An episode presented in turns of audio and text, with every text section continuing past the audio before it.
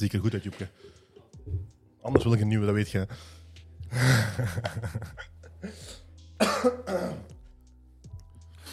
maar u, de ranch zelf is een, ha- een Hasselt, had ik gezien, hè? Klopt dat? Hasselt, ja. Geen Christeenweg. Op dit moment Ah, nog. oké. Moet je uitbreiden. Ik vind die branding wel goed, joh. Ja, wat vind je goed? Ja, ik vind dat leuk. Die, die cactus en zo. Ook de dingen. eh lettertype is eh Texan. Nee. Ja. Ik denk als je, als je zoiets wilt doen en je wilt dat fatsoenlijk doen, dan moet je, moet je ergens wel eh, een brand gaan uitbouwen. Dat is, en, dat is, en dat is nog het moeilijkste. Ja, Allee, inderdaad. de- denk ik. Is ook.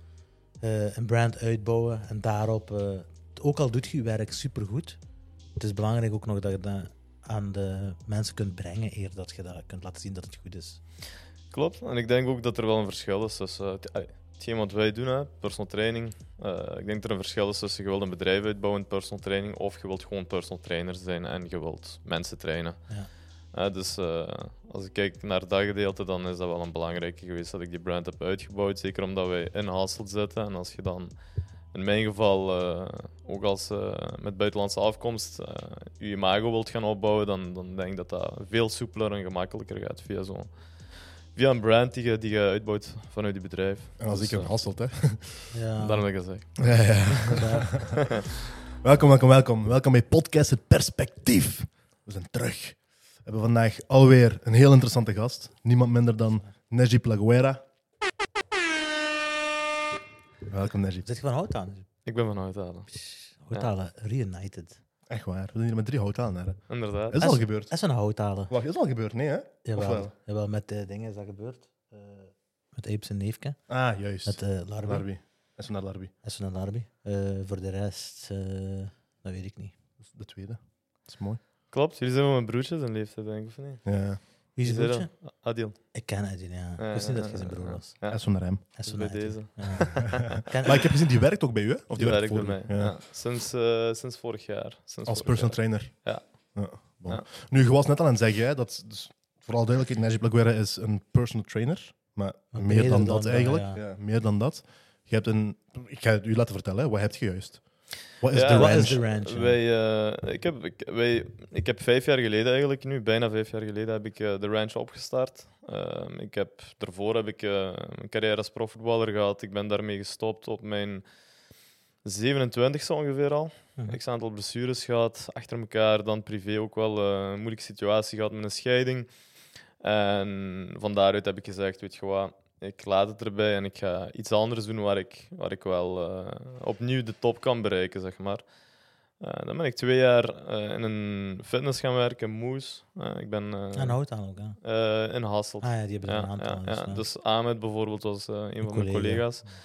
En ja, goed, toen heb ik daar twee jaar gewerkt. Ondertussen ben ik opleidingen gaan doen, want uiteindelijk als, als voetballer kun je jezelf altijd hè, in de beste shape zetten en kun je zorgen dat je maximaal performance creëert bij jezelf. Maar om dat naar de gemiddelde mens te brengen, is dat nog heel iets anders. Er is een grote gap tussen. Dus eh, in die twee jaar veel opleidingen gedaan. En eh, van daaruit ben ik met een collega, toen ben ik de ranch opgestart. Dus je, zit, je hebt, bij de ranch heb je een netwerk met personal trainers waar mensen terecht kunnen dan, die kunnen kiezen een beetje eigenlijk. Hoeveel, Ja. hoeveel personal trainers hebben jullie? Wij zijn nu met vijf trainers. Eh, ja, we zijn nu met vijf trainers. We zijn toenmalig zijn we opgestart met z'n tweeën. Eh, ik moet wel zeggen dat ik twee jaar geleden heb ik mijn toenmalige vernoot waar ik dat mee heb, heb opgestart, eh, heb ik uitgekocht. Was Dit verhaal toen- kennen we? Ja. Met Rauw. Rauw heeft Ah, hetzelfde ja, gehad. juist. Ja. Heb je Dus- daar moeite mee? Heb je daar, heb je daar problemen mee eh, gehad? Nee, eh, weet je, het is eh, uiteindelijk... eh, Wat was het verhaal daar rond? ik zou zeggen, COVID, eh, lockdown, wij waren tien maanden dicht. Ah, maar echt denk, waar, ja. Ah, dus wanneer was je opstart dan? In COVID of er vlak voor? We waren opgestart. Ehm, ik, ben een jaar in, ik ben een jaar heb ik in bijberoep gewerkt daar.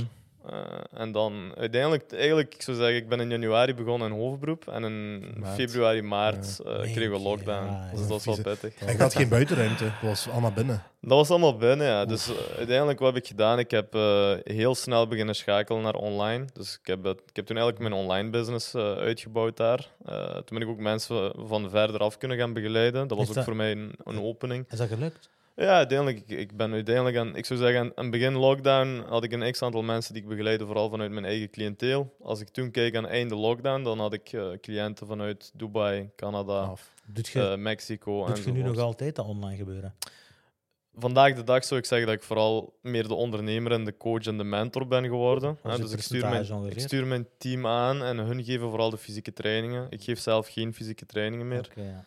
Hè, dus eh, mijn bedoeling is ook nu, we gaan nu de komende zes maanden gaan we gaan verhuizen naar een groter pand. En dan gaan we ook ons team gaan uitbreiden. Waarschijnlijk gaan we naar 10, 12 mensen gaan. Ehm, dus eh, vandaag de dag, ik geef geen fysieke trainingen meer, maar wel, ik geef mentorships, coaching één op één. Mhm.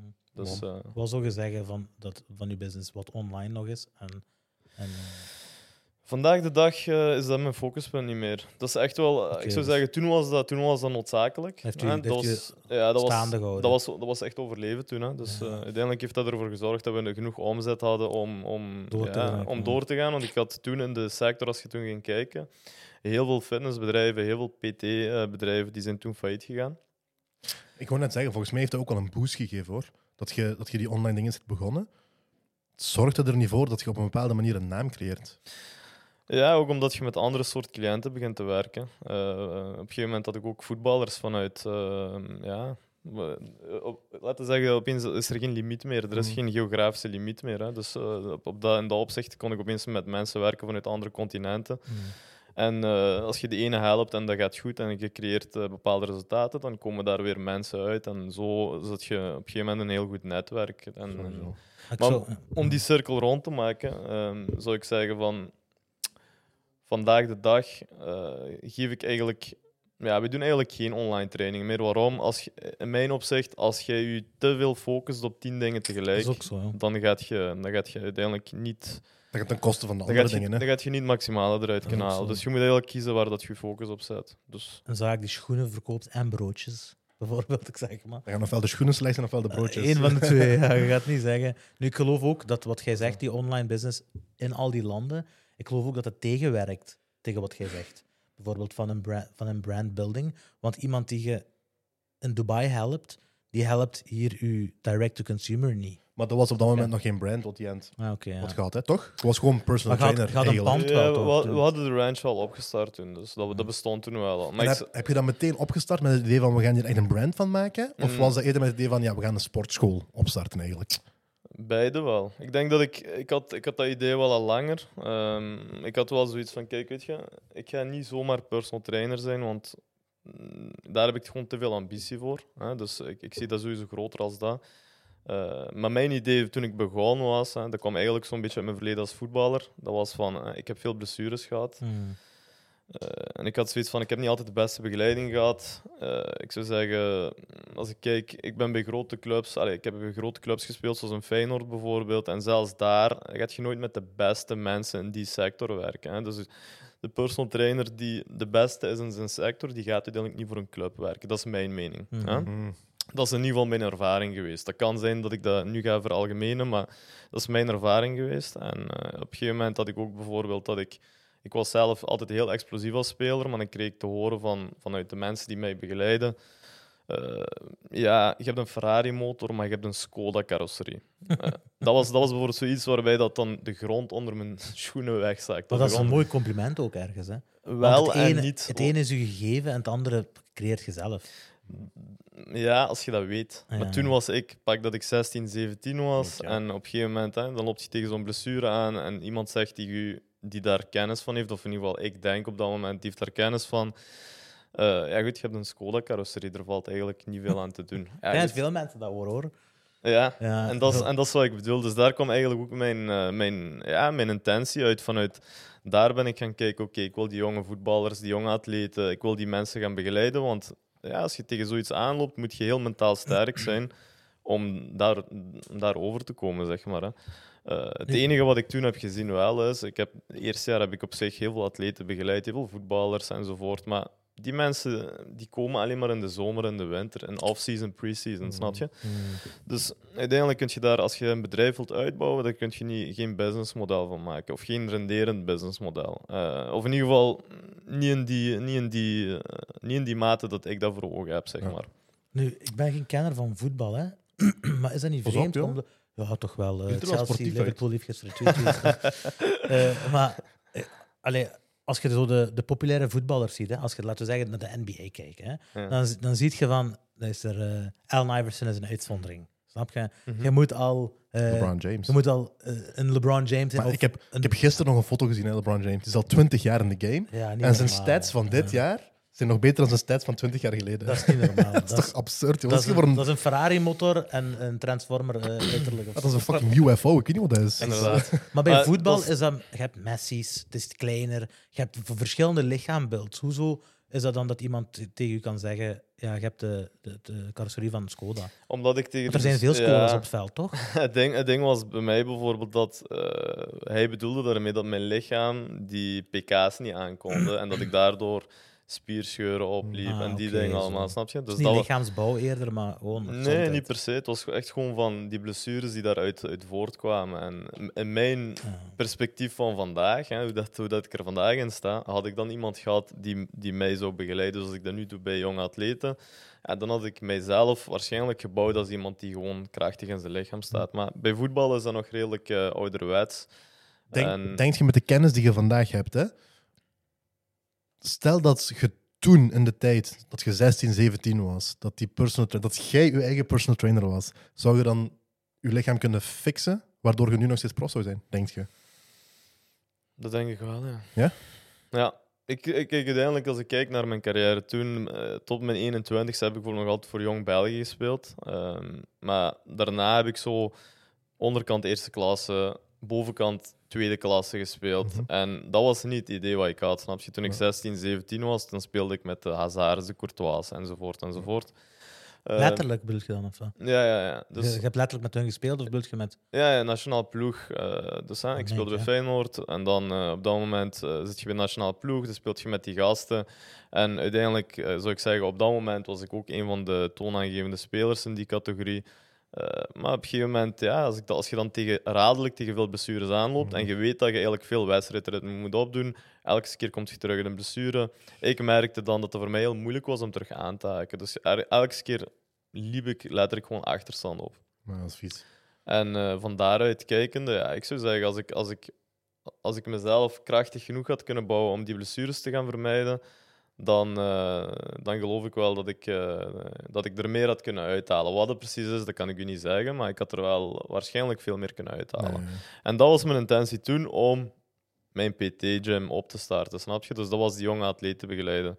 Dan gezien van, oké, geen goed businessmodel als je, als je ook rendabel wilt zijn. Mhm. Dus je ziet off-season, pre-season, dan komen die mensen, dat gaat. Die clubs laten dat over het algemeen bijna niet toe door één seizoen. De, aan de clubs laten er effectief niet toe. nee, Omdat die zeggen, we hebben onze eigen personal trainers. Of... ja, ja, Ah. ja, inderdaad. Dus uiteindelijk eh, ben ik dan, zijn we dan eigenlijk gewoon mensen gaan begeleiden om gaan af te vallen, bij te komen. Hè. Die zaak is puur Mhm. lichaamscompositie. Eh, en ik zou zeggen, de laatste jaren zijn er dan heel veel ondernemers beginnen binnencijpelen en mensen met managementfuncties, et cetera, et cetera. En toen heb ik eigenlijk gezien van, oké, eigenlijk past dat nog beter binnen mijn concept, want die mensen hebben ook een mentaliteit van gas geven. En hè, die, willen, die willen ook het maximale... doen, echt, ja. Die willen het maximale uit hun leven halen. En eh, op die manier eh, zou ik zeggen dat we nu ook onze, ons aanbod iets meer hebben afgestemd op die specifieke doelgroep. Waardoor dat we nu eigenlijk, ja, ik zeg het, we zijn nu met, met, met vijf trainers die allemaal een volle agenda hebben. En ik zou zeggen, in de Mooi. personal training wereld van België is dat, is dat vrij uniek. Ja. Mhm. Mooi, sterk. Kijk je als, als, als zaakvoerder, hè? kijk je bijvoorbeeld naar een coach Ahmed, die toch vrij populair is. Kijk je zo van, eh, mij, ik moet kijken naar populaire personal trainers en die bij mij eigenlijk een team pakken om een naam uit te bouwen misschien. Nog niet, meer. Niet per, se, niet per se, omdat ik heb heel veel eh, respect voor Ahmed. Ik heb zelfs als voetballer heb ik daar ook nog een tijdje Ah, bij getraind. En die heeft, ik zou zeggen oprecht, die heeft mij toen eh, geholpen om toen ook in de beste vorm van mijn leven te staan. Tegelijkertijd, iedereen kiest een beetje zijn eigen eh, Stijl. niche. Hè. Mhm. Iedereen kiest een beetje zijn eigen stijl, zijn eigen niche, de, de doelgroep waar dat hij mee wilt werken. Bij hem is dat inderdaad dat hij veel met sporters werkt. Die heeft zichzelf ook geschoold om, om met die sporters te werken. Eh, ik, zie, ik zie puur naar eh, toekomst en naar, eh, naar, ook naar businessmodel, zou ik zeggen, zie ik daar gewoon veel meer in om met, om met ondernemers te werken en met bedrijfsleiders en met ja, mensen die op die positie staan. En ik zou zeggen, nu, nu dat ik zelf dat bedrijf aan het uitbouwen, merk ik ook vanuit diezelfde positie hoe dat is om, om ja, 80, 90 uur te werken per week. En toch te moeten sporten en toch fit te zijn en je slaap te halen ja. enzovoort Ja. enzovoort. En dat is nu ook hetgene waar wij de meeste mensen mee helpen. Dus. En een drukke werkweek, het maximale daaruit halen. Je hebt je gezinsleven en je wilt eh, daarbuiten ook nog gezond zijn. En Mhm. dat, is, dat is eigenlijk de combinatie die wij nu over het algemeen aanbieden. Dus eh, ja. Maar werk je dan ook in onregelmatige uren? Als je zegt, hè, die bedrijfs, die die managementfuncties en weet ik veel wat allemaal. Ik kan me inbeelden dat die drukke agendas hebben. Hoe pas je dat dan binnen jullie agenda? Wij hebben echt gewoon vaste slots. Dus dat wil zeggen, wij beginnen s morgens om kwart na zes. We hebben een x aantal slots tot de middag. Ja, dus om half één is die laatste slot die afrondt. In die middenblok zijn de meeste mensen niet... eh, ik zou zeggen, in die middenblok gaan de meeste mensen niet, niet komen sporten. Mhm. Hè, want iedereen is druk bezig met zijn werkdag. Mhm. Zeker de mensen met wie dat wij werken. Eh, en dan hebben we in ieder geval vanaf vier uur. Eh, dan hebben we weer een andere groep mensen die eh, vier uur, kwart na vijf enzovoort. En zo werken we eigenlijk door tot negen uur, half tien. Ja. En dat is eigenlijk onze dag. Maar in die middenblok van 1 tot 4 ja, ontvangen wij geen klanten, we zetten daar geen slots open. En dat wil zeggen dat we daar onze eigen momenten hebben om te eten, te sporten, te douchen enzovoort. Snap je? Dus Dat is ook wel leuk, hè? dat is, eh, dat is op die manier is dat wel een, een, een ja, zoals gezegd, dat is leuk, dat is fijn, dat is tof. En dat is ook dat is werkbaar. Dat Mhm. gaat. Dat is ook iets wat je, wat je, wat je op de lange termijn kunt, kunt volhouden. Niet, Ja, toen ik pas begon, ja, ik zou zeggen toen ook, hè, ik, ik, ik, ik, wilde, ik wilde het maximale eruit halen. Ik ging gewoon blind. Eh, en ik, en ik- soms was dat om vijf uur s morgens beginnen en soms was dat tot elf uur s avonds eh, pas stoppen. Ja, goed, dan heb je zelf je slaap niet meer, dan zit je zelf niet meer het voorbeeld. En uiteindelijk, ja, als je als trainer niet meer het voorbeeld bent, dan houdt het al heel snel op. Dus, Nee, ja. eh, dat is- en dat dat hou is- je ook niet vol gewoon. Hè. dat houdt je ook niet vol, dan wordt het ook niet meer tof. En uiteindelijk zou ik zeggen ook, eh, waarom, waarom dat ik veel zie in de sector van, van training bijvoorbeeld, waarom dat veel stoppen na één, twee jaar, is ook gewoon omdat veel mensen ja, denken heel snel heel veel geld te gaan verdienen. Mhm. Terwijl je moet echt wel wat investeren in jezelf. Je moet jezelf onderscheiden in de markt.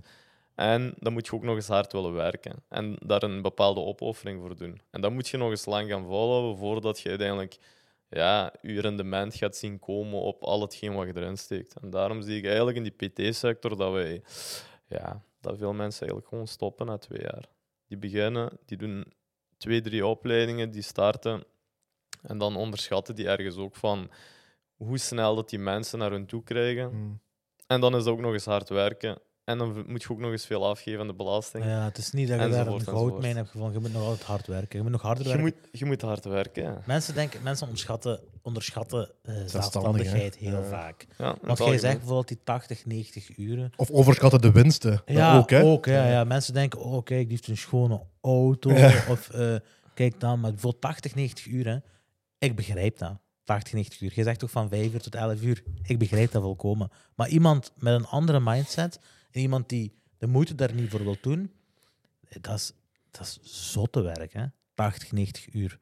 En, en dan, je zit 80, 90 uur en daarna zit je nog aan het denken, ga ik uit mijn kosten geraken?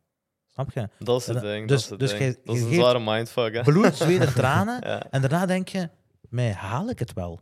Is dat niet fucked up om te denken? Je hebt zo hard gewerkt. Het is niet van het is u gegeven na dat werk. Snap je? Ja, Ja, want van, hè. van die 90 uur is 50 uur voor de overheid. letterlijk. Dat gewerkt.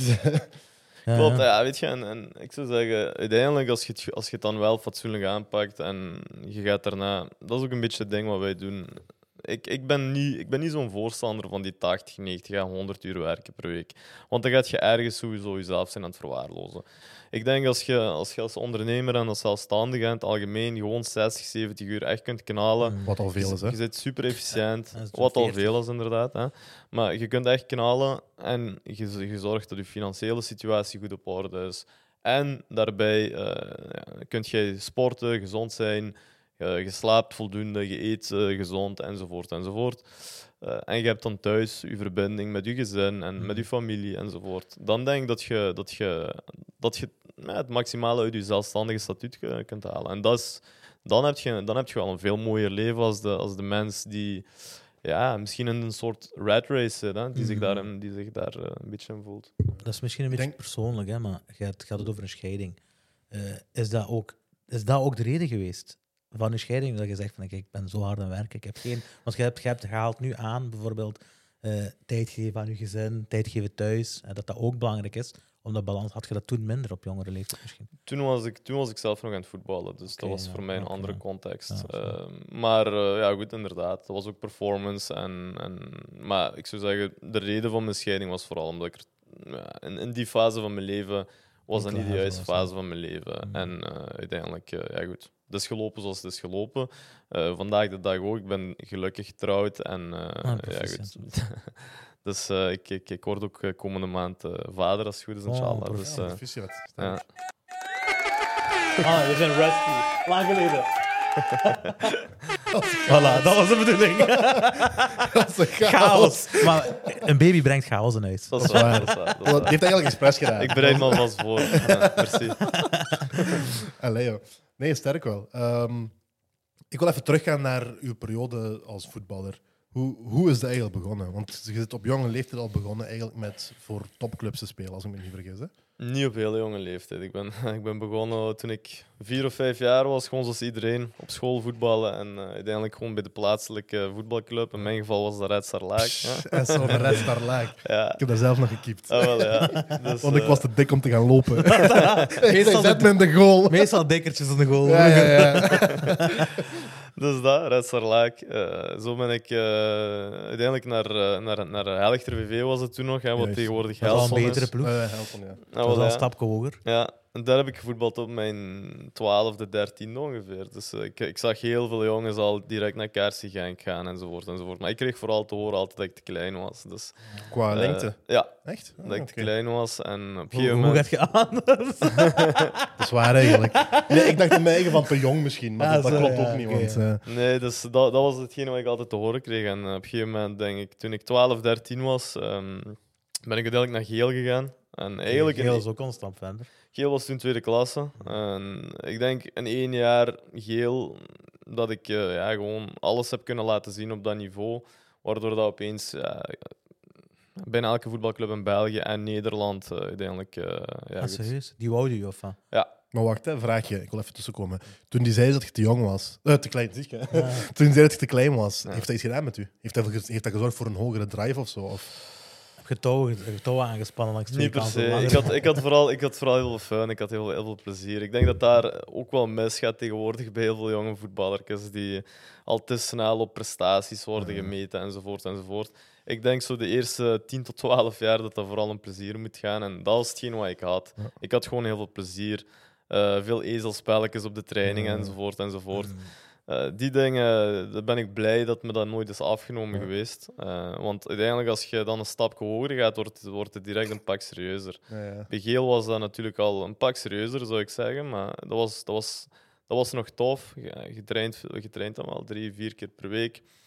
Je speelt je wedstrijd. Maar eh, ja, goed, ik denk in één jaar ben ik toen... eh, ja, een jaar later ben ik naar Feyenoord gegaan. En toen ben ik daar op internaat geweest. Welke keuzes heb je nog gehad langs Feyenoord? Eh, hier in België was dat bijvoorbeeld Kersie Genk, Anderlecht, ehm Agent, eh, dan had je PSV. Ja, dus dat eh, is uiteindelijk, een moeilijke keuze om te maken hoor. Ja, wat was doorslaggevend Ja. in die keuze? Voor mij was doorslaggevend was dat ik bij Feyenoord... eh, ik, had, ik, ik was daar op bezoek geweest, Mhm. dus die hadden mij uitgenodigd. Ik was daar op bezoek geweest en voor mij was de, ja, de doorslag echt wel de academie. Ja. Ik keek naar het niveau van de academie. Die, die jeugdelftallen die waren altijd kampioen op dat moment. Hè. Mhm. Vandaag de dag zijn die, zijn die verschillen iets kleiner geworden en, en ook een beetje verschoven. Hè. Tegenwoordig Ajax, PSV. Toen ik in die academie kwam, eh, ik, ik ben uiteindelijk van de vier jaar dat ik in de academie zelf zat, ben ik drie, drie jaar kampioen geweest. Sterk. Dus ook hè, als we dan eh, Europese toernooien speelden en dergelijke tegen Real Madrid, tegen Chelsea, die wonnen wij gewoon allemaal. Dus dat was voor mij, voor mij, toen ik dat zag, ik kwam daar, ik wist van, als ik hier kan slagen, dan word ik sowieso profvoetballer. Ja. Voor mij toen op dat moment was dat de goal. Ja. De goal was niet om in de Premier League te spelen of wat dan ook. Daar zit je nog niet mee bezig op die, Ja. op die Je leeftijd. wil er Je, gewoon van leven. En je wil wilt gewoon profvoetballer worden, eh, zoals, zoals elke jonge voetballer. Hè. Feyenoord is Rotterdam, hè? Ja. Heb je daar, hoe lang heb je daar dan geleefd? Ik heb uiteindelijk zeven jaar in Rotterdam gewoond. Nee, joh. Ja, En ja. eerst op internet. Ja. Op dat welke, was, welke leeftijd was je toen? ik was toen 14 toen ik ben je? gegaan. Ja, maar dat is ook ja. niet makkelijk, hè? Ja. Ja. Dat is waar, hè? Op Ja. 14 jaar op internet gaan, je ouders blijven hier. Ja. Kwam je dan één keer per week thuis? Of? ja, dus dat was wel iets waar dat hun op stonden. Eh, de academie zelf ook. Hè. Dus als je in de, in de, als je in een bepaalde straal woonde van, van, van Rotterdam, dan moest je elke week met de trein naar huis. Die verplichten dat ook gewoon om, die, om, om je Familieband thuissituatie. Goed te houden. Ja. Ja, slim. Dus dat was sowieso goed. Ook het stukje school, topsport, eh, dat klimaat gewoon.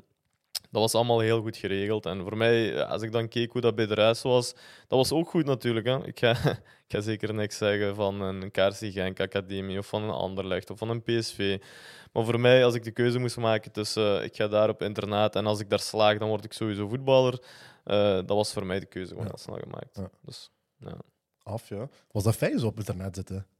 Het eerste jaar was dat niet fijn. Nee? Het eerste jaar was dat... Vanuit heimwee? Of? Ja, dus in een grote stad komen. eh, hier, zit je, hier zit je alles gewend van hoe dat is. Hout halen. Je komt je in een grote stad, je moet met de metro naar school. Eh, je moet je accent beginnen aanpassen, anders, men- anders, verstaan, Begrijp je niet. anders verstaan mensen je niet. Echt waar. Eh, dus het eerste jaar vond ik dat niet zo tof. Ik, ik had ook in het begin iets of wat meer moeite om me aan te passen aan het niveau van de trainingen bijvoorbeeld en de hoeveelheid van de trainingen. Mm. Hè. Dat was opeens van, van geel drie, vier keer per week trainen naar twee keer per dag trainen. Meen je dus- dat, was, dat was voor mij... dag, joh. dat was- 14 jaar. dat was voor mij aanpassen. En eh, ja, het eerste jaar had ik daar misschien wel moeite mee. Maar eh, ja, goed, het tweede jaar was dat eigenlijk van me af. tweede jaar was dat van me af. Ja. Ja, dus eigenlijk vanaf dat tweede jaar begon ik me goed in mijn vel te voelen. En eh, ja, na mijn tweede jaar ben ik ook direct contractspeler geworden. Dus eh, dat, was, eh, dat was een mooie mijlpaal ook. Hè. Dus dan, dan zijt je eigenlijk al profvoetballer, want je, hebt, je, zit- je zit contractspeler Dus rond 16 jaar was je al prof. Ja. Hoe dik is dat, joh? Nu, dat is een bekend fenomeen. Hè. Zeker, eh, we zijn allemaal van Houthalen. We kennen allemaal jonge, jonge gasten die bij PSV hebben gespeeld vroeger. Die hebben wij, bijvoorbeeld, in Houtaal was er bijvoorbeeld Kaan, eh, dingen, eh Faisal Zijn Leefke, eh Yassin, ehm eh Welesh, denk ik dat hij ook Ja, heet, achternaam. Klopt. Ehm, maar dat is een, en daarna, jaren later, hoort je hetzelfde verhaal een beetje. Snap je? Van die, die, die kaart is uitgedoofd. Hè? Mhm. of, dat nu, of je dat nu ziet als het lichaam of uh, goesting, ik weet niet exact Ja. wat dat bij die jongens was. Maar dat is een bekend fenomeen, dit echt Ja. wel. Ik denk voetbal sowieso is eh, puur naar de wereld toe. Ik heb toen ook even de keuze moeten maken. hè. Ga ik, ga ik, ik heb vaak een aanbieding gehad van bepaalde clubs om daar iets te gaan doen aan performance training of iets dergelijks. Maar ik zou zeggen dat ik die wereld niet zo plezant meer vind. Eh er, is, ja, er is redelijk wat vriendjespolitiek. Mhm. En je hebt niet altijd zelf de ownership over alles. Eh, je hebt niet alles in handen. Ja. Hè? Dus ehm, ja, ik, ik, eh, ik zou zeggen dat dat soms wel eh, kan meespelen in je hoofd. Hè? Dus als je, als, je de, als je als de dingen een beetje gaan tegenzitten en je hebt niet de mensen met je mee, dan, dan kun je doen wat je wilt. Maar dan gaat je er alsnog niet komen en dat kan wel frustrerend zijn. Daarentegen, ja goed, er zijn natuurlijk ook heel veel die het wel hebben eh, kunnen maken op, op het allerhoogste niveau. En daar kun je alleen maar respect voor hebben. Zeker. Wat denk je dat het verschil is tussen degenen die het wel maken op het hoogste niveau en degenen die, zoals hij zegt, hè, op 18 jaar, 19 jaar geleden weer veel afkappen? Eh, tussen 18 en 19 jaar afkappen, denk ik, dat vaak te maken heeft met afleiding, focus en ook... Ja, Dat is echt een ding, want dat hoort je ook vaker. Hè? Maar als je twee keer per dag moet trainen, hè, dan zit je er al snel van afgeleid. Snap je? Dan heb je al veel... Je marge is heel klein om, om fouten... Je kunt al een Dat is snel ik- fout maken. Ah, nee, je? ik denk juist omgekeerd. Want waar vind je de tijd om nog iets anders te gaan doen? Ja. In de weekenden, in de weekenden. Ja, echt, en, dat is wel een ding. En, en het ding is vaak ook, kijk, als je, als je op je zestiende bijvoorbeeld, eh, je, je krijgt een profcontract, hè, dat zie je ook vaak bij die gasten. Je zit de man, hè? Je krijgt veel geld opeens, Ja, ja, je je, zit hebt man, geen hè. kosten, je zit een man.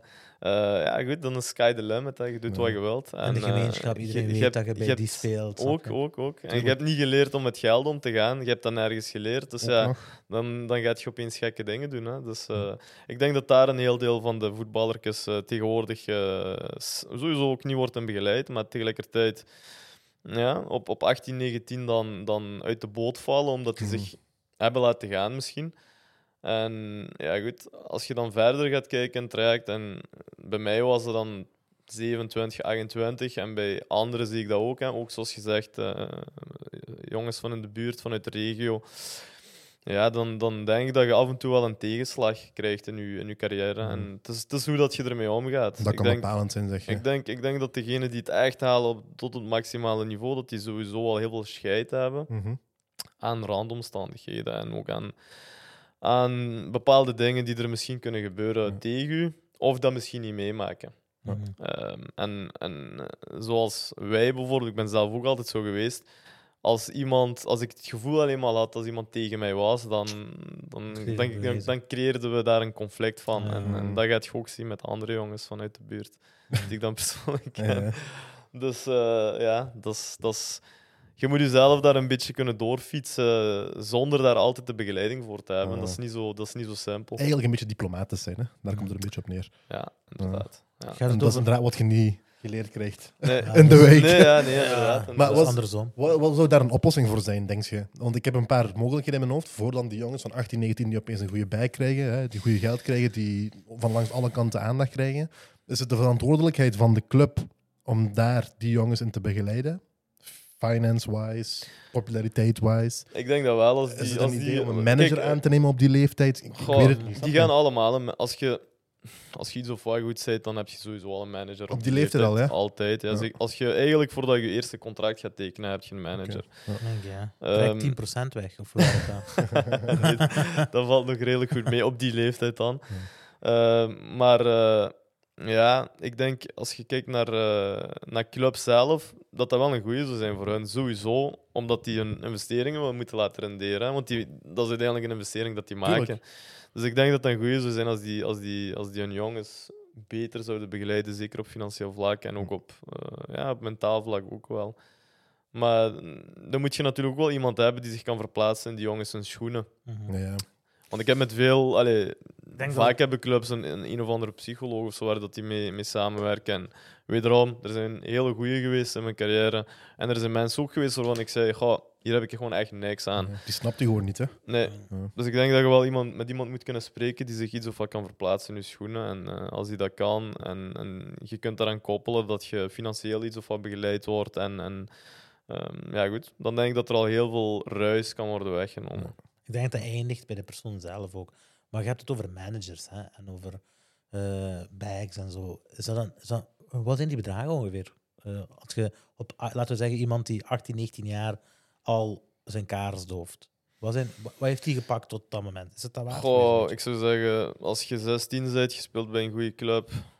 Tegenwoordig die bedragen cheft ook. Hè. Ik, Mhm, ja, ik- en ik ongeveer spreek nu echt over ja. Ik spreek nu over 15 jaar geleden bijna. Dus eh, eh, ik denk tegenwoordig dat je wel snel ja, toch een 2, 3, 4.000 euro kunt verdienen. eh, Oké. Op je zestiende. En je hebt dan een manager En dan voor is- 2, 3, 4.000 euro's. Ja, goed. Die managers kijken vooral naar. eh, die jongen kan misschien binnen twee jaar eh, ontploffen. hè, Mhm. En dan zit hij dan zit hij direct dan, Ja, dan zit hij direct aan tonen. inderdaad. Ja. ja. Dus dan zit je Dat gaat wel snel. hè. Als je goed bent, dan Ja. gaat je van 2.000, 3.000 euro gaat je in één keer naar 100.000 euro's. Dat Ja, bedoel, ik, dat bedoel ik. En dat is waar die managers uiteindelijk een, een business van maken. En dat is ook normaal. Ik zou zeggen, dat is, als je een zaakwaarnemer bent, ja, dan, dan is dat ook de bedoeling. En dan is, dan, dan, is, dan is het eigenlijk wel nodig dat je de juiste begeleiding geeft. Ik ben ook, ik ben ook zeker niet tegen managers. In geen enkele industrie, hè? 100%. Nee, Want nee, in de nee. muziekindustrie heb je dat ook vaak, hè? Die dingen Klopt. van hè, manager ja of nee. Ik ben er zeker niet tegen, hè? Als hij zijn werk goed doet. Ja, en ik denk als die dat goed doen, dat die dat, die dat ook uiteindelijk gaan verdienen. Eh, maar ook veel onwetendheid, denk ik, daarin. Dus, Ja, ja. een, een voorbeeld was daarvan bijvoorbeeld, we hebben, we hebben Isai gehad op de podcast. Juist. Ja. Ik, heb het, ik denk er nog vaak aan. Dat is wel toevallig. hem. Ik denk er nog, ik denk, dat komt af en toe zo in mijn gedachten. Dat is een jonge gast, eh, 25 jaar denk ik, eh, YouTuber. Een van de grootste streamers van België en Nederland. Eh, If not the biggest. if not the biggest. Die heeft een overdreven grote volgeling, eh, core, hardcore fanbase en dat allemaal. Maar die heeft geen sponsors. Die heeft het enige geld wat hij verdient, bij bij wijze van spreken van zijn, van zijn eh, profession, is wat hij zelf achterjaagt. En dat is meestal van de donaties of van YouTube views of ik weet niet wat. Maar als jij de. Geef mij de grootste YouTuber, laten we zeggen mijn zoon, is de grootste eh, streamer van. Hé, luister vriend, weten er allemaal van, hè? Weten er Ja. allemaal van, heel de straat. We doen een hele wijkfeest, hè? want we hebben net Nike-sponsor binnengehaald. Snap je wat ik wil zeggen? Ja, ik ja, zeg is maar. de- En dat is het verschil tussen Een manager en een geen manager of niet. Dus je kunt, ik zeg wel, oh, 10% afgegeven en zo. Nee, als die zijn werk goed doet, dan is die 10% wat je afgeeft aan hem, die heeft u net 90% laten verdienen op iets wat je nog niet zat. Ja. Snap je? Ja, feit. En dan geef je dat ook graag af. Je gaat dat zelfs niet eens merken. Dat was, dat was bij mij ook altijd zo. Hè. Je gaat dat zelfs niet merken, want jij ziet gewoon wat er bij u binnenkomt. De manager spreekt zijn eigen, zijn Mhm. eigen voorwaarden af met de club. Ja. En in dit geval gaat dat hetzelfde zijn. Dus, En je, eh, en je ziet een ander voorbeeld ervan. Bijvoorbeeld bij een artiest zoals Dikke. Die heeft een manager en die is goed. En die groeit en die blijft groeien. Die is goed. Je moet denken, de Slack management, Esson Ali, die heeft... Je ziet, je ziet de correlatie daartussen dat dat echt van belang is. Want als je gaat kijken naar afgelopen jaar, anderhalf jaar, van Dikke als artiest, hè, die is gewoon... Die is, die is zodanig fel gegroeid. Die heeft precies zijn plaats gevonden in de puzzel. mhm. In de puzzel van Vlaamse muziek. Hè, van van eh, muziek en het artiest zijn in België. Snap Klopt. je? Nu, die is wel gesnubbed geweest pas. Hè. Hoezo? Je had een paar... Dus in België heb je de, de Belgische Grammys, de Mia's. Eh, ja, ja, ja, ja. En die, heeft, eh, die was genomineerd. Die heeft ook een performance gedaan daar. En die heeft niet gewonnen. Wie heeft hij wel gewonnen? Dat is een goede vraag, dat weet ik niet. maar ik zie, zit je er ook bij hem. Ik zie een eh, soort eh carrière-switch aankomen. maar manager, eerlijk, die gaat dat is- manager worden. Ik zweer, dat is, dat, is mijn, de- dat is gewoon mijn interesse. Ik heb veel te druk om dat te doen. Als ik eerlijk gezegd, als ik thuis was, hè, ik, heb dat ook, ik heb dat ook tegen een kameraad van mij gezegd, bijvoorbeeld in Isai. Hè. In Isai, bijvoorbeeld, wij horen dat. Ik als, ik als, ik zie mezelf toch als scherp, omdat ik al tien jaar ondernemer ben. Als ik niks te doen had en ik, zat- thuis, hè, en iemand vertelt mij, een jonge gast van 25 jaar, die vertelt mijn verhaal. Dus eh, die zegt, ja, ik heb geen manager en ik kan... Ik heb eigenlijk geen sponsors, maar ik heb wel 100.000 abonnees, zoveel volgers, ik weet niet wat. Dus wat ik dan doe? Ik ga naar huis. hè. Ik ga naar Social Blade. Ik pak al zijn views samen. Instagram, YouTube, TikTok, alles tezamen. Ik gooi dat allemaal in een papiertje. Ik maak een contract op. hè. Gewoon make- make-believe contract. Ik maak zelf een contract op. Ik wandel de call uit ben. Ik zeg, wie is de fucking manager hier? Ik zeg, wie is de manager hier? Ik zeg, ik heb een jonge gast, een prodigy. Een prodigy. hè, Een, een, eh, en die jongen, die is een goede jongen, die wil graag jullie merk vertegenwoordigen. Ik ga die views voor hun neus gooien. En ook al zegt Colruyt bijvoorbeeld nee, dan ga ik naar de De Lijs. Snap ik wil zeggen? ja, en eh, nu, De Lijs deze tijd is misschien een beetje moeilijker. Maar we zullen zeggen de, de, de Albert Heijn of zo, snap je? En wat gaan die dan zeggen? Die gaan zeggen, ja, eh, ah, wel, dat is- dit staat ons wel aan, want we, ons marketingbudget is zoveel. Ah, wel, we willen dat wel een test geven. Weet je wat ik dan doe? Ik pak dat contract, ik ga naar Isai, en ik bel die, ik stuur die team bericht op Instagram, hopen dat hij dat leest.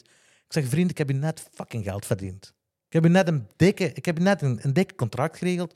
Nu, dat betekent niks. Dat geld is van u, ik moet er ook niks van hebben. Mhm. hè. Ik moet er ook niks van hebben. Maar eh, als jij nog zo contracten wilt zien, je ziet, mijn intentie is goed. Zonder dat ik iets heb gepakt van u, heb ik uw geld geregeld. Mhm, Pak die geld en laat, nu, laat mij u vertegenwoordigen bij die firma's. mhm. Ik beloof u dat dat lukt.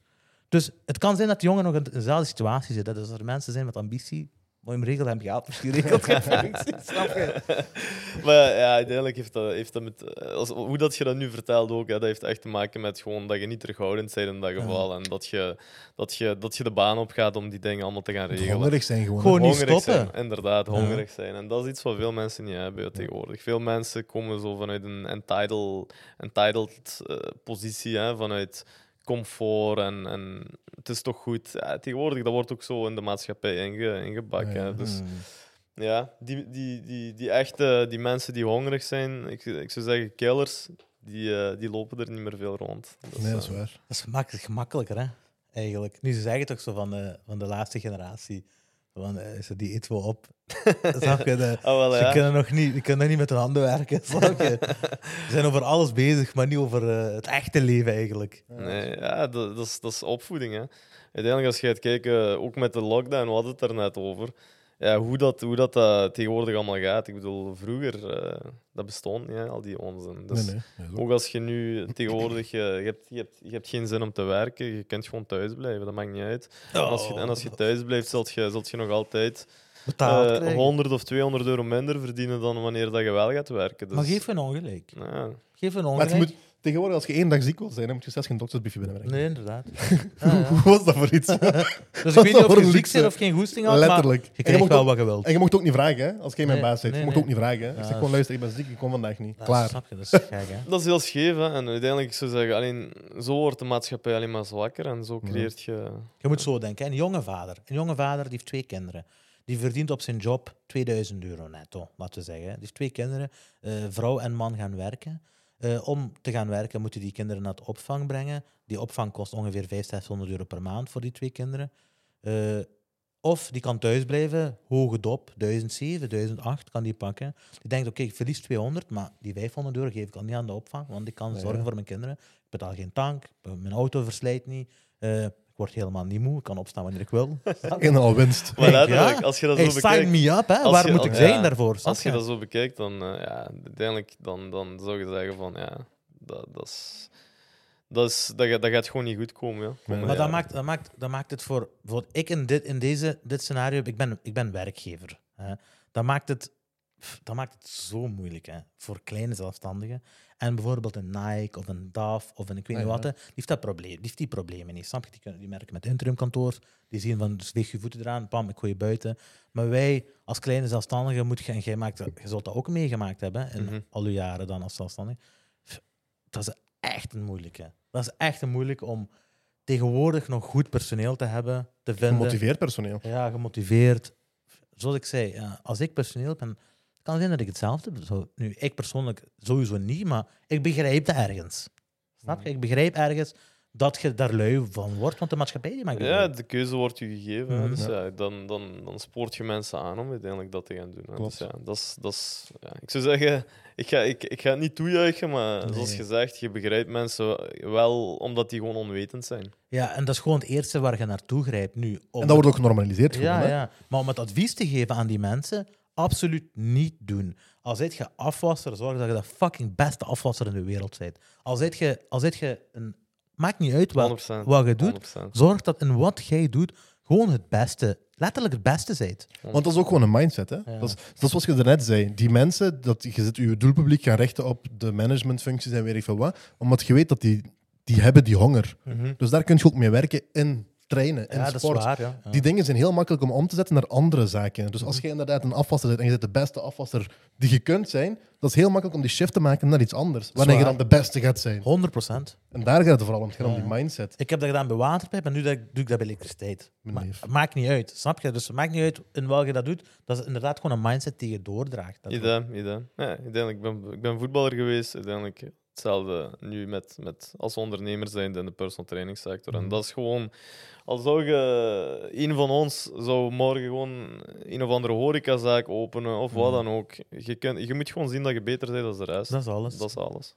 Klopt. Of toch beter zijn, het beste van jezelf geven. Ja, ja, ja. Ik zou niet per se zeggen beter dan de rest, maar wel de best mogelijke versie van jezelf erin zijn. En niet te snel tevreden zijn ook nu, natuurlijk. Nee, dat is waar. Want dat hoort ook in de maatschappij. Van, ah, wel, ik heb deze muur geschilderd, één laagje. Ah, wel, ik heb echt wel mijn best gedaan, ik ben toch moe? Weet je? Nee. eh, iets, iets wat wij vaak zeggen bij ons eh, in de ranges. eh je best doen is, is eigenlijk het, het, het minste wat je kunt doen. Ja. Dat is het minste. Dat is een mooie. Al de rest wat daarboven komt is performance. Voilà, ja. Dat is een mooie. Dus, Ja. En wat, om, Oei, oei. en toen. Uw kabel, uw kabel.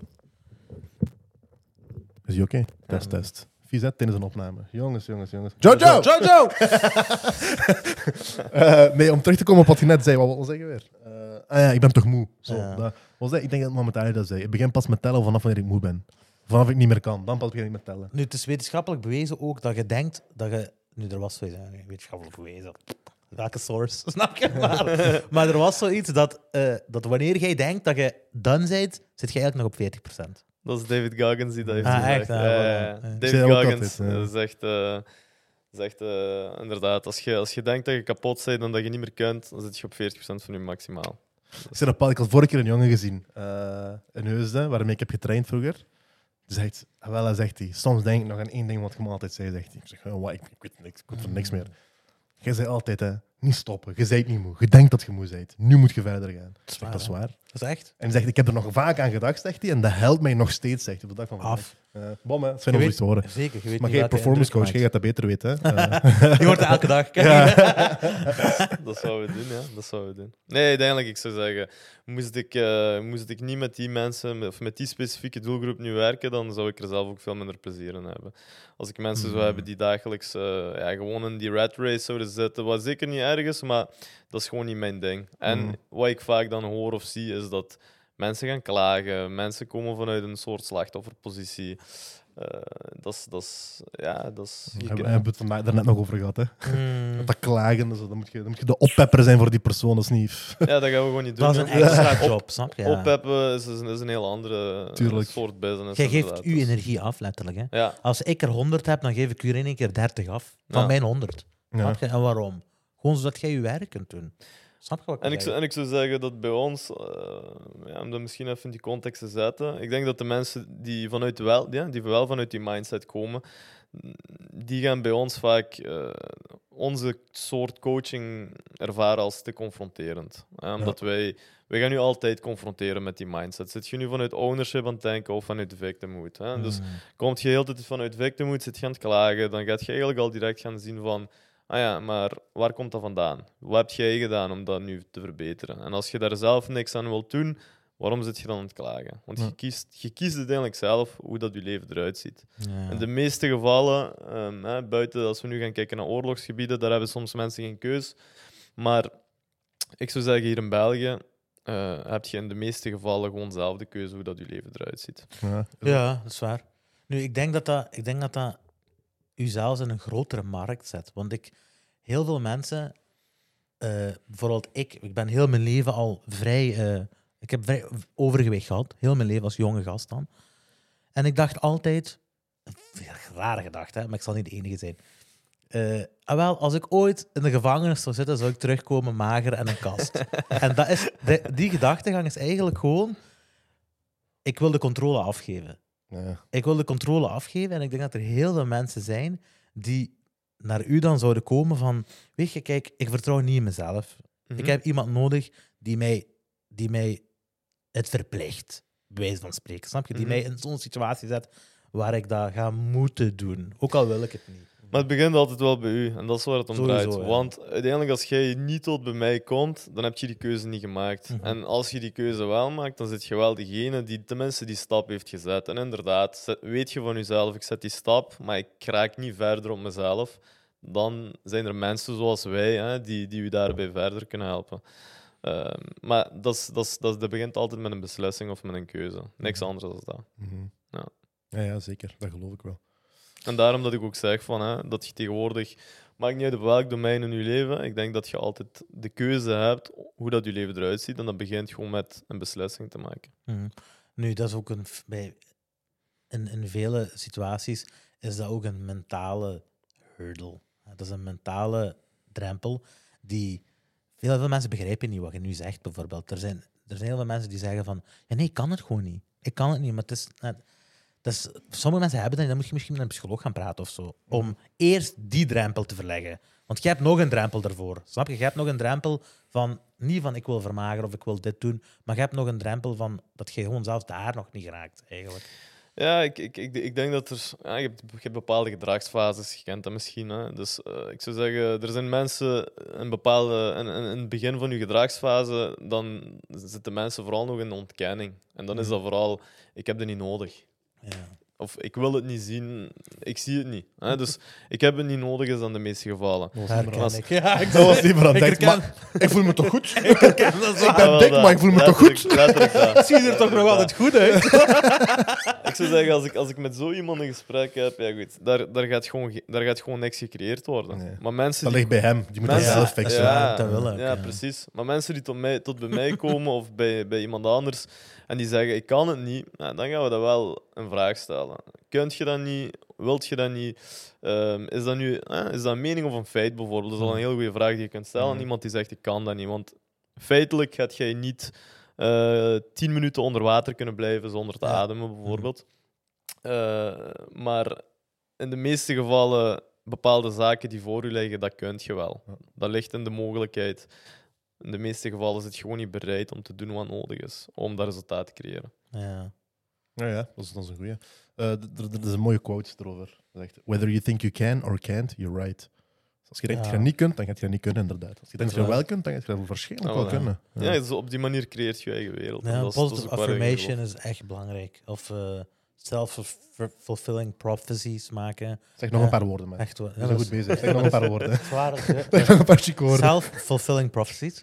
Dus Ja. Als jij zegt, ik kan het niet, ja, dat vervult zijn eigen. Hè? Snap je? Dan gaat je het heel waarschijnlijk niet kunnen. Echt zo'n manifestatie. Maar dat is waar. Maar zeg dan manifestation. Manifestation. We hebben alle keywords gezegd Echt nu. waar. Maar nu zitten we goed in het algoritme.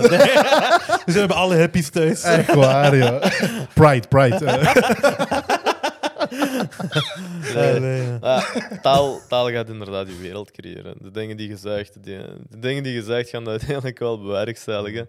Ehm, maar ik zou ook zeggen, want je hebt ook mensen die, eh, die bijvoorbeeld duizend keer voor de spiegel iets gaan zeggen naar zichzelf toe. Zoals je zegt met die affirmaties. En Maar dan ook dan, doen, ja. ook dan gebeurt er niks. Dus Ja, ja. je spreekt dingen uit en je komt uiteindelijk je woord na. Dat is uiteindelijk het belangrijkste daarin, is dat je integriteit hebt. Dat je uiteindelijk iets zegt en uiteindelijk ook gewoon doet wat je zegt. Ik je moet geloof- eerlijk zijn naar jezelf toe. Hè. Ja. Dat is een belangrijke daarin. Hè. Nee, ik geloof wel dat dit, dat dit ver gaat. Hè. Ik, ik geloof zelf dat die manifestatie ook onbewust komt. Ik geloof er fel in. Hè. Ik geloof ook bijvoorbeeld naar de muziek die ik luister en zo. Soms ik luister hip-hop en dan zegt mij: Kill your mama en de, en de baby in hem. eh, ik weet niet wat. eh, snap je? Dan denk ik: ja, Wil ik dat pad wel op later? Snap je? maar. Dus ik, ik geloof ook dat er een, een onbewustzijn daarin zit. Hè. Bijvoorbeeld Snoop Dogg, die zei dat. Wat zei die? Die zei mij, ik had nog, ik had nog nooit een, een case, ik ben nog nooit in een rechtbank binnen geweest. Ik maak één liedje, Murder was the case, en in één keer heb ik een fucking murder, ca- murder Mhm. case, zegt hij. Zegt, sindsdien ben ik altijd vredelievend beginnen muziek maken. En ja, als je gaat kijken, bijvoorbeeld Biggie zijn eerste album, nu ik ben hip-hop ingegaan, hè, maar Biggie zijn eerste album, Ready to Die, Mhm. tweede album, Life After Death. Snap je? Allemaal zo heel Mhm. eh, ik geloof erin. Ik geloof, zelfs al doet je die... Nu, dat hangt er vanaf natuurlijk welke manifestation je doet. Hè. Als je zegt, ik wil afvallen, ik wil afvallen, ik wil afvallen, en dan met een zak chips in je mond. snap je? Een zak chips in je hand. je- gaat Nee, je dat gaat werken. niet nee. vallen. Maar als jij je niet zegt van- magischerwijs Als jij zegt van, ik ben niet gezond en ik voel me niet... Ik, ben, ah, ik, heb, ah, ik heb hier pijn, ik heb hier klachten, ik heb daar klachten, oh, mijn rug. Je bent een zaag, in het algemeen. Mhm. Of je klaagt veel.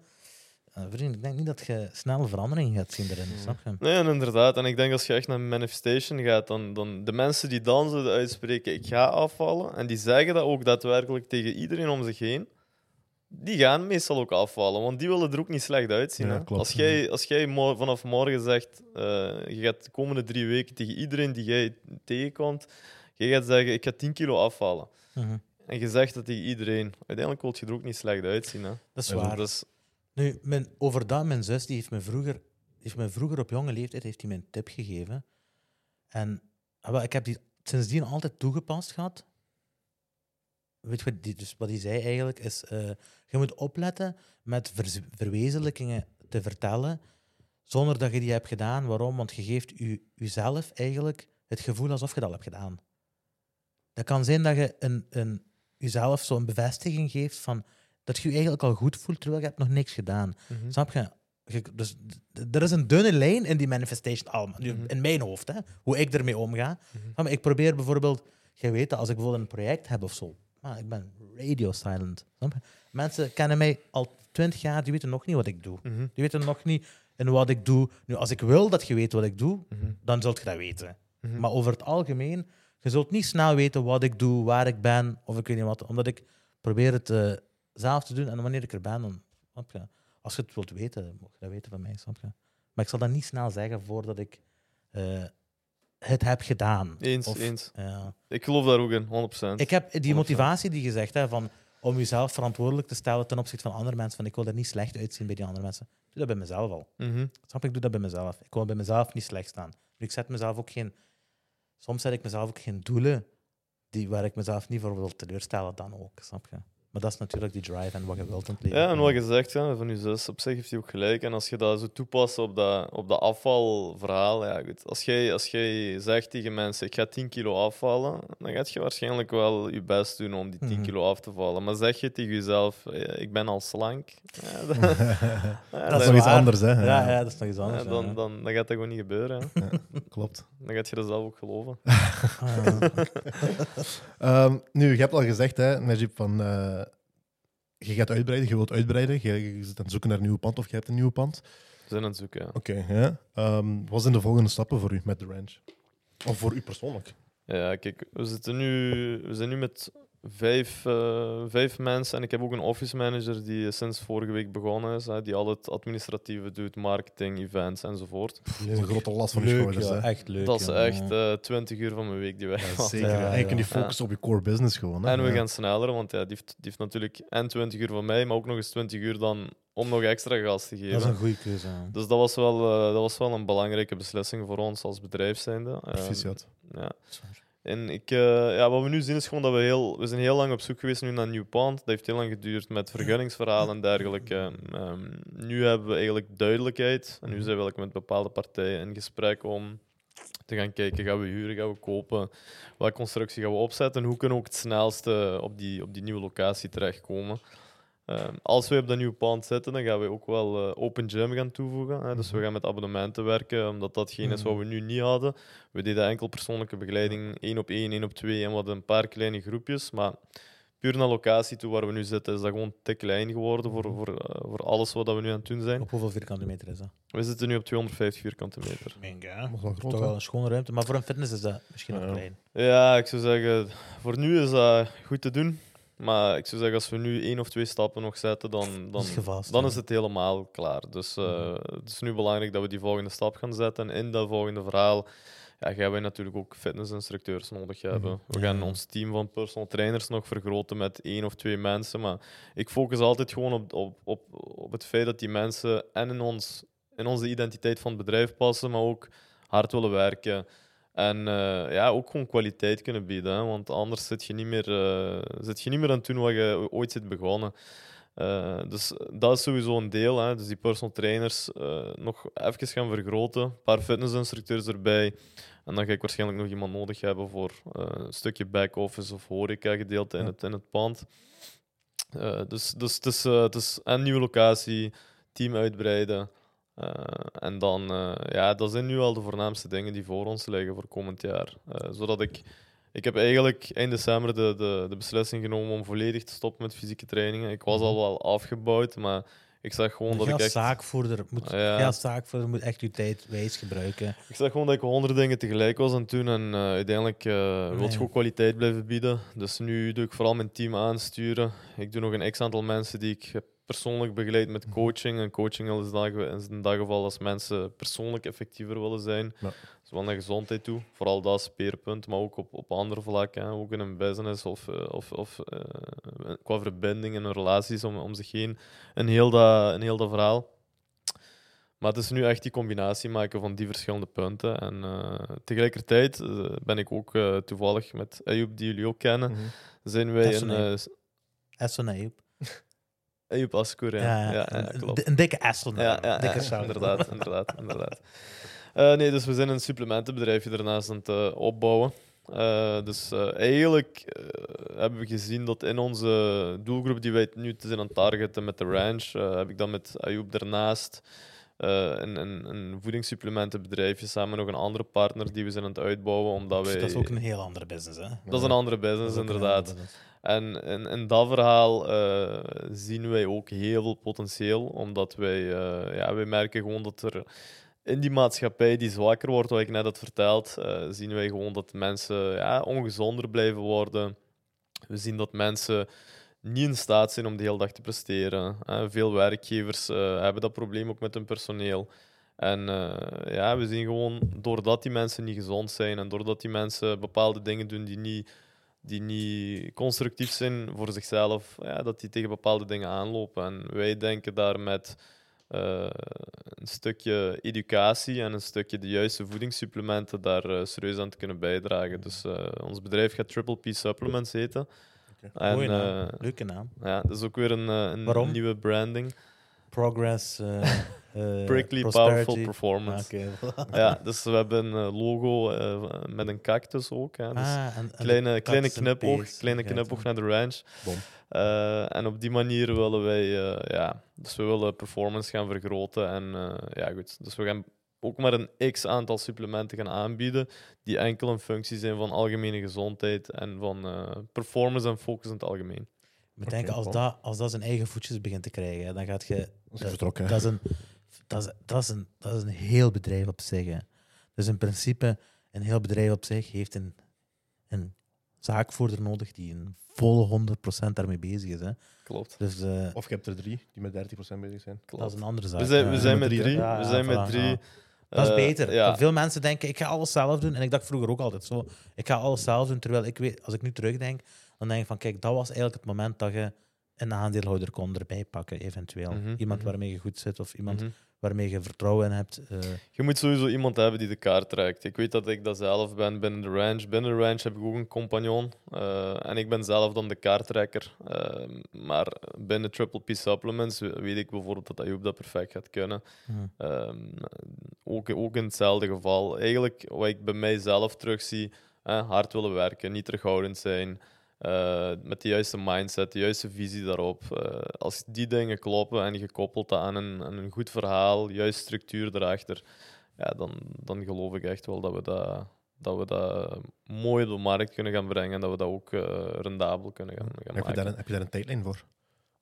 Voor Wij, wij willen nu, eh, ik zou zeggen rond mei, juni, willen wij eh, volledig, eh, volledig operationeel zijn. Hmm. Dus eh, tegen dan moet alles klaar zijn en eh, moet, moet alles gewoon staan. Oké. Dus uiteindelijk, ik zou zeggen, wat we ook weer willen creëren met, met, die, met die producten die we gaan aanbieden, met die supplementen die we gaan aanbieden, is gewoon ja, die impact op, op die mensen die. Eh, in dit geval zijn dat, zijn dat vaak mensen die bijvoorbeeld op kantoor werken. Mhm. ehm, ik zou zeggen, ongezond eh, eten overdag, Mhm. eh, niet de juiste dingen ontbijten of 's middags broodjes bestellen en dergelijke. En, en, en dan zie je heel vaak bij zulke mensen terug dat die energiedipjes krijgen, moe zijn, geen energie, geen zin. En als je dat een beetje met educatie kunt gaan onderbouwen van eet bepaalde dingen niet, eet bepaalde Ja. dingen wel. En je kunt daar voedingssupplementen eh, mee insturen, waarbij dat die wel die frisheid hebben, wel die focus. Dan gaan die mensen ook zien dat die, dat, die, ja, dat, dat minder een sleur is om van die 9, om bijvoorbeeld 9 to 5 Mhm. door die job te gaan. Ja. En ja, goed, uiteindelijk als je, als je kijkt, dan gaat dat bij ons vooral om impact maken. Dat is ook En- een brand weer al. Hè. Dat, is ook, dat, is ook een, dat is ook weer al een brandbuilding. Eh, je moet dat weer al naar de consumer Klopt. brengen. Ik weet niet. Klopt. Klopt. Nu, eh, als jullie er eenmaal zijn en jullie zoeken promotors, we hebben toevallig een wekelijkse podcast. Eh, maar inderdaad, dus je moet dat ook Ja. terug naar de mensen toe brengen ja, en zeggen van, kijk, daar, hier, je hebt dit nodig Klopt. en, Wat- en wat het is- is er. Wat is uw go-to-market eigenlijk? Is dat gewoon de consument of naar bedrijven? Of naar... Hoe zien jullie dat? Eh, wij hebben, we hebben een x-aantal segmenten. Eh, laten we zeggen dat onze eer, ons eerste segment is inderdaad gewoon de, de, de kantoormedewerker bijvoorbeeld, Mhm. die in een corporate werkt en, en, en daarbij eh, ja, die 9 to 5 doet. Maar natuurlijk willen wij ook de, de, de ondernemer zelf gaan targeten, die dat uiteindelijk ook in zijn bedrijf gaat leggen. Maar door dat eerst vooral zelf te doen, want we zien vaak als de nummer één ja, in een bedrijf shift, dan shift vaak het hele bedrijf mee. Dat is ook. Terwijl is de, is de nummer één ondernemer super ongezond en, en laat die elke vrijdag bijvoorbeeld McDonald's komen voor heel zijn bedrijf. Ja, goed, dan gaan die medewerkers dan het algemeen ook niet doen, hè, want die Mhm. worden allemaal gebiased door het gedrag van die ondernemer. En dan gaan wij voor hem werken. Elke vrijdag? Gratis, Mackie? is dat gratis McDonald's? Jazeker. Dat ja. Nee, dus eh, ik zou zeggen, we gaan, we gaan zeker eh, ja, via verschillende eh, hoeken willen komen. Eh, maar uiteindelijk wil je als supplement dan bij de aankoopafdeling van die grotere bedrijven uitkomen. Eh, maar dat begint wel met gesprekken te doen en, en ook eerst die, die, eh, Ja, zeker. Dat die een consument heel duidelijk te hebben. Ja. Tuurlijk. Hoe wilt je... Ik vind dat interessant. Ik vind het, meest interessante hieraan vind ik ehm, dat je het educatieve eraan wilt koppelen. Dus je hebt een product wat je op de markt wil brengen, maar je wilt, dat, je wilt ook het educatieve stuk erin brengen. Hoe ziet je dat juist gebeuren?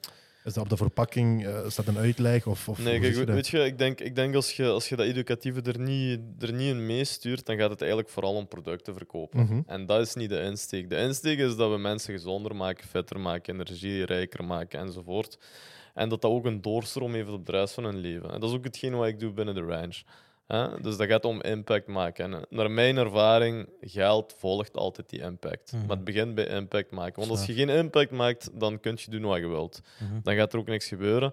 Dus wat wij willen doen met dat edu- educatieve eraan gekoppeld, is eh, mensen ja, gewoon aware, aware maken van de dingen dat die nu niet zijn, of de dingen dat die nu zijn aan het doen, dat die gewoon niet werkbaar is. Mhm. Dingen laten zien wat wel werkbaar is. en natuurlijk willen we daarnaast eh, bepaalde supplementen kunnen aanbieden, waarbij dat, dat gewoon makkelijker ook wordt. Ja. Eh, hoe willen we dat doen? Eh, dat, is, deels door bijvoorbeeld masterclasses te geven enzovoort. Ook een stukje online marketing natuurlijk. Maar ook op de website willen we met bepaalde, ja, ik, ik zou zeggen met bepaalde ja, cartoonachtige ah, video's eh, gaan werken om dat heel simplistisch naar de mensen over te brengen. Omdat wij, eh, ik heb dat al gezien bij andere grote brands binnen andere sectoren, dat dat heel goed werkt. Ja, Ik heb bijvoorbeeld zelf ooit een personal training opleiding gevolgd vanuit Amerika eh omtrent voeding en dergelijke. En dat was zo heel cartoonachtig opgebouwd.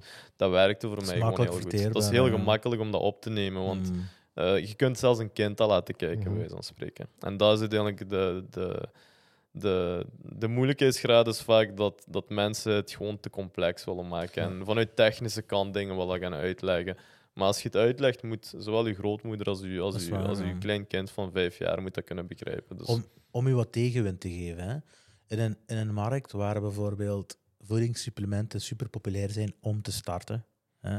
Bijvoorbeeld, al je hebt eh, influencers die dat starten. Bijvoorbeeld als we gaan kijken naar Cosmo Nutrition of naar eh Mobicep, die heeft zijn. eh, maar je hebt ook al, al dat zijn wel grote spelers, denk ik hoor. Ja, ja, ja, ja, 100%. Kosso en Zeker, die zijn, die zijn zwaar. Die, ik denk dat die een grootste inkomst vandaar komt ondertussen. Ja. Maar eh, je hebt dan bijvoorbeeld de XXL's en ik weet niet wat. Mhm. is die, die educatief, dat educatief gedeelte van eh, Triple P hetgene wat u dan onderscheidt? Want zijn dat, zijn dat andere poedertjes en zo? Verkoopt niet iedereen hetzelfde uiteindelijk? Je, ik, zou, ik zou zeggen dat in de meeste gevallen, eh, ja, je gaat heel veel merken zien die white labeling doen hè, op, de, Ja, op, de, op de markt sowieso. Eh, White labeling is trouwens als je gewoon een product pakt en je zet je merk erop. Ja, inderdaad. Dat Zo zijn er heel veel bedrijven die dat gewoon zo verkopen, dat die Mhm. zeggen van hey, hier, is, eh, hier is mijn product Hmm. of een product en je kunt zelf kiezen welk logo dat je erop plakt. Zo, zijn, zo krijgen we waarschijnlijk, ook als de ranch zijn, dan krijgen we daar tientallen per jaar gewoon die ons dat aanbieden. Ja. De influencers doen dat ook meestal. Ah, wel, Al die influencers die je ziet, Ja. eh, of dat nu de Logan Pauls zijn of de, ik weet niet wat, die doen dat allemaal. Dat Voornamelijk.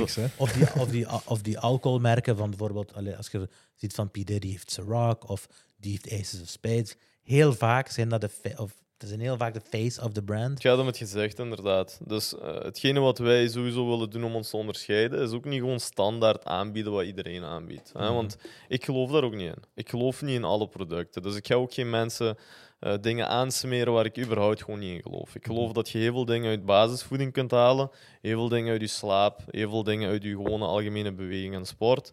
En dat je daaraan gekoppeld nog jezelf kunt optimaliseren of je gezondheid kunt optimaliseren door een x aantal nutriënten nog binnen te krijgen. Wat niet altijd evident is om dat gewoon uit basisvoeding te halen. Of je moet al elke week alle kleuren van de regenboog eten, enzovoort, enzovoort. Dat gaat niet iedereen doen. Ja. Laten we zeggen, bijna niemand. Mhm. Eh, dus eh, ik, ik geloof heel veel in dat verhaal. En inderdaad, hoe willen we ons gaan onderscheiden? Enerzijds door productkeuze, welke producten gaan we gebruiken. Die educatie daarbij te geven van hè, waarom doen wij dit en waarom niet dat en, en waarom doet de rest van de markt dat wel. En tegelijkertijd, ja goed, dat is natuurlijk ook wel een verhaal om dat bij de mens te krijgen, want dat Mhm. gaat niet zomaar 1, 2, 3. Eh, dus je moet natuurlijk ook wel de juiste mensen inschakelen. Ik ga ook niet zeggen dat wij nooit influencers gaan gebruiken of iets dergelijks om dat, om dat product slecht, de hoor, markt te brengen. ja. Maar het is, het, is, het is een tool en sommige mensen zijn zelf die tool. Waarschijnlijk, als ik dat zelf toen had gedaan toen ik voetbalde, was dat nog drie keer makkelijker geweest om dat bij, de, bij die klant eh, te brengen. Maar uiteindelijk, eh, ja goed, er zijn altijd eh, wegen die, je, 100%. die, je, die, je, die je uiteindelijk ook weer zelf kunt creëren als je dat, als je dat echt wilt. Mhm. Tuurlijk. Om terug te komen op dat influencer-verhaal, dat is tegenwoordig gewoon een van de beste vormen van marketing. Hè. Dat is hoe het werkt. Ja, influencer inschakelen. TV en zo. Niemand Ja. denkt nog, ik ga reclame laten afspelen Nee. op tv. Snap je? Wie Dat denkt zo? hè? Na, de, na de reclame van ik weet niet wat. allee, niet, Radio, Ja, Q-music. Nee, Ik voor, snap je? Dat is nog niet in mijn hoofd gekomen wat je nu zegt. Bijvoorbeeld. Ik kijk zelf heel weinig tv, maar ik kan me voorstellen dat de meeste mensen ook gewoon wegwandelen als dat nu 10 minuten tegenwoordig duurt voor eh, Mhm. eh, al die reclames en dergelijke op tv. Dus eh, ja, zoals Nee, gezegd. Ik denk, sociale media is, is the way to go tegenwoordig. En dan kun je ook niet meer... eh, allee, je kunt daar gewoon niet meer omheen. Ik ben zelf hè, nooit zo'n grote sociale media man geweest. Eh, ik, heb, ik, heb, ik heb ook heel veel andere interesses. Maar ja, goed, als je het niet doet tegenwoordig, ja, dan verlies je sowieso. Dus Mhm. het is gewoon ook eh, accepteren dat, dat de wereld eh, vandaag zo is en daar gewoon eh, ja, de juiste dingen doen. Maar ook voor lokale ondernemingen is dat zo. Hè? Het is niet bijvoorbeeld dat jij een Kosovo niet kunt betalen bijvoorbeeld, om dingen te doen. Als je bijvoorbeeld. Dit is toevallig een wekelijke podcast. Hè? Bijvoorbeeld, zeg maar. Dat zijn, dat zijn, we, zijn, we zijn geen influencers, hè? maar we hebben wel een viewership hè? die lokaal toch wel vrij stevig en sterk is. En ik heb altijd een zaak gehad, een, een, een brick and mortar, dus echt een handelszaak. En ik als, als eh, ondernemer, ik zou deze podcast zeker gesponsord hebben. Ik zou deze podcast zeker gesponsord hebben. Want je zit lokaal, dat is letterlijk alsof je een brief geeft aan iemand persoonlijk aan zijn deur. En twee kilometer daar, ver- verder is er een zaak. Als je interesse in hebt, kun je daar naartoe gaan. Mhm. Dus letterlijk, we zijn in de mensen woonkamer en de zaak waar je het over hebt, die is niet in Dubai of die is niet, ik weet niet waar, die is letterlijk voor je voeten. En jij wist nog niet dat die bestond. Dat bedoel ik. Dus onze, ik zeg maar, als wij duizend viewers hebben, vriend, die duizend viewers, hè, ah, wel, hè, als jij een lokale onderneming bent, dat is veel waard. Ja, die zijn Maar alle duizend van Limburg. Hè? Die zijn alle duizend van Limburg. Als jij van die duizend hè, ook maar tien mensen kunt strikken als een vaste klant, hè, dat is een goede investering die je hebt gedaan. Daar geloof ik 100% in. Ja. Ik, ik geloof ook oprecht dat je niet, dat je niet de, de, de honderden duizenden volgers ook altijd nodig hebt. Nee, Gewoon als jij, als je inderdaad duizend. Ik, natuurlijk, in de supplementenbusiness is dat nu een andere verhaal, want dat is meer bulk. Ja, ja. En je wilt ook niet enkel Limburg dekken. Hè? Ja, dus Nee, weet je, laat- ja. Laten, we zeggen, laten we zeggen met de range, als ik daar vanuit dat perspectief Eerder kijk, over dat, ja. dan, dan met duizend mensen die, die eh, consistent, beeldbewust met je, met, je, met je bedrijf bezig Ja. zijn, met de dingen die je deelt, ja goed, dan heb je je business. Hè. Dan, Mhm. dan hoef je voor de rest niks te doen. En ik denk dat dat ook hetgeen is wat, wat je bedoelde. Ja, inderdaad. Mhm. Dat is een beetje dat typisch verhaal van kwaliteit boven kwantiteit. Hè? Het gaat om de engagement eerder dan om de Nou, hoeveelheid. Ja, ja, Ja. dat is waar. Ja, ik kan 100.000 eh, eh, inflated viewers hebben, maar wat heb je daar eigenlijk aan als die viewers van fucking China zijn? Snap je Ja. wat ik wil zeggen? Ja, Klopt. 100%. Zit je, je zit nu op de Genkersteenweg, hè? Waar zit je op de Genkersteenweg? We zitten eigenlijk bij de G-level, de Dovi keukens, Hmm. kent je dat? Ja, Ja. daar en de zijstraatje op industrie Dat is zitten heel dicht bij u. Hè? Ah, ik weet, Ja. ah, maar ik, ja, dat is heel dicht bij mij. Ik weet wel, dat is bij die rondpunt daar, hè? Ja. Ah, ik, ah zit, je, zit je bij het eerste pand op de straat naar rechts dan? Of, want ik weet nog dat er een pand te huur was daar heel lang. Als je van, als je van Hasselt richting Genk zou rijden, je, eh, je komt bij de G-level en dergelijke allemaal voorbij, Dovi keukens, gaat je rechts dat straatje en ja, daar op industrie hebben wij een van die industriepanden omgebouwd tot topsporthal. Dus Ja. dat is waar Want we nu zijn, zitten. zit, je, zit je in een, in een paarse KMO-zone of zit je net niet daarin? In een industriezone? Wij zitten, wij zitten er nu wel in en dat was toen ook de Dat is een reden. goede plek om in te zijn. Ja, maar de- de stad is daar niet altijd zo blij mee. Dat is wat ik zeg, ja. Ik, heb, eh, Dat ken ik niet. Wat is dat? ik heb geprobeerd altijd, omdat ik een horecazaak had die in de avond open was, heb ik geprobeerd om uit de buurt van de mensen te zijn. Waarom? Want er komen veel auto's, mensen gaan klagen. Hè, een parking is een beslag. Mijn kindje probeert te slapen. Alles. Mijn hondje je? kan niet slapen. Ja. Ja, bijvoorbeeld mijn hondje. Nee, schrik van al het Mijn geluid. ja, vriend is zich gaan amuseren in de tuin. Waarom doet jij niet mee? Maar eh, ik heb dan de intentie gehad om ik, ik ga gewoon verhuizen. Ik zat ook op de Genkersteenweg, op het begin langs de Brunos, mijn eerste zaak. Ah ja, oké. Eh, en ik dacht van, ik ga, naar, ik ga naar een industrie.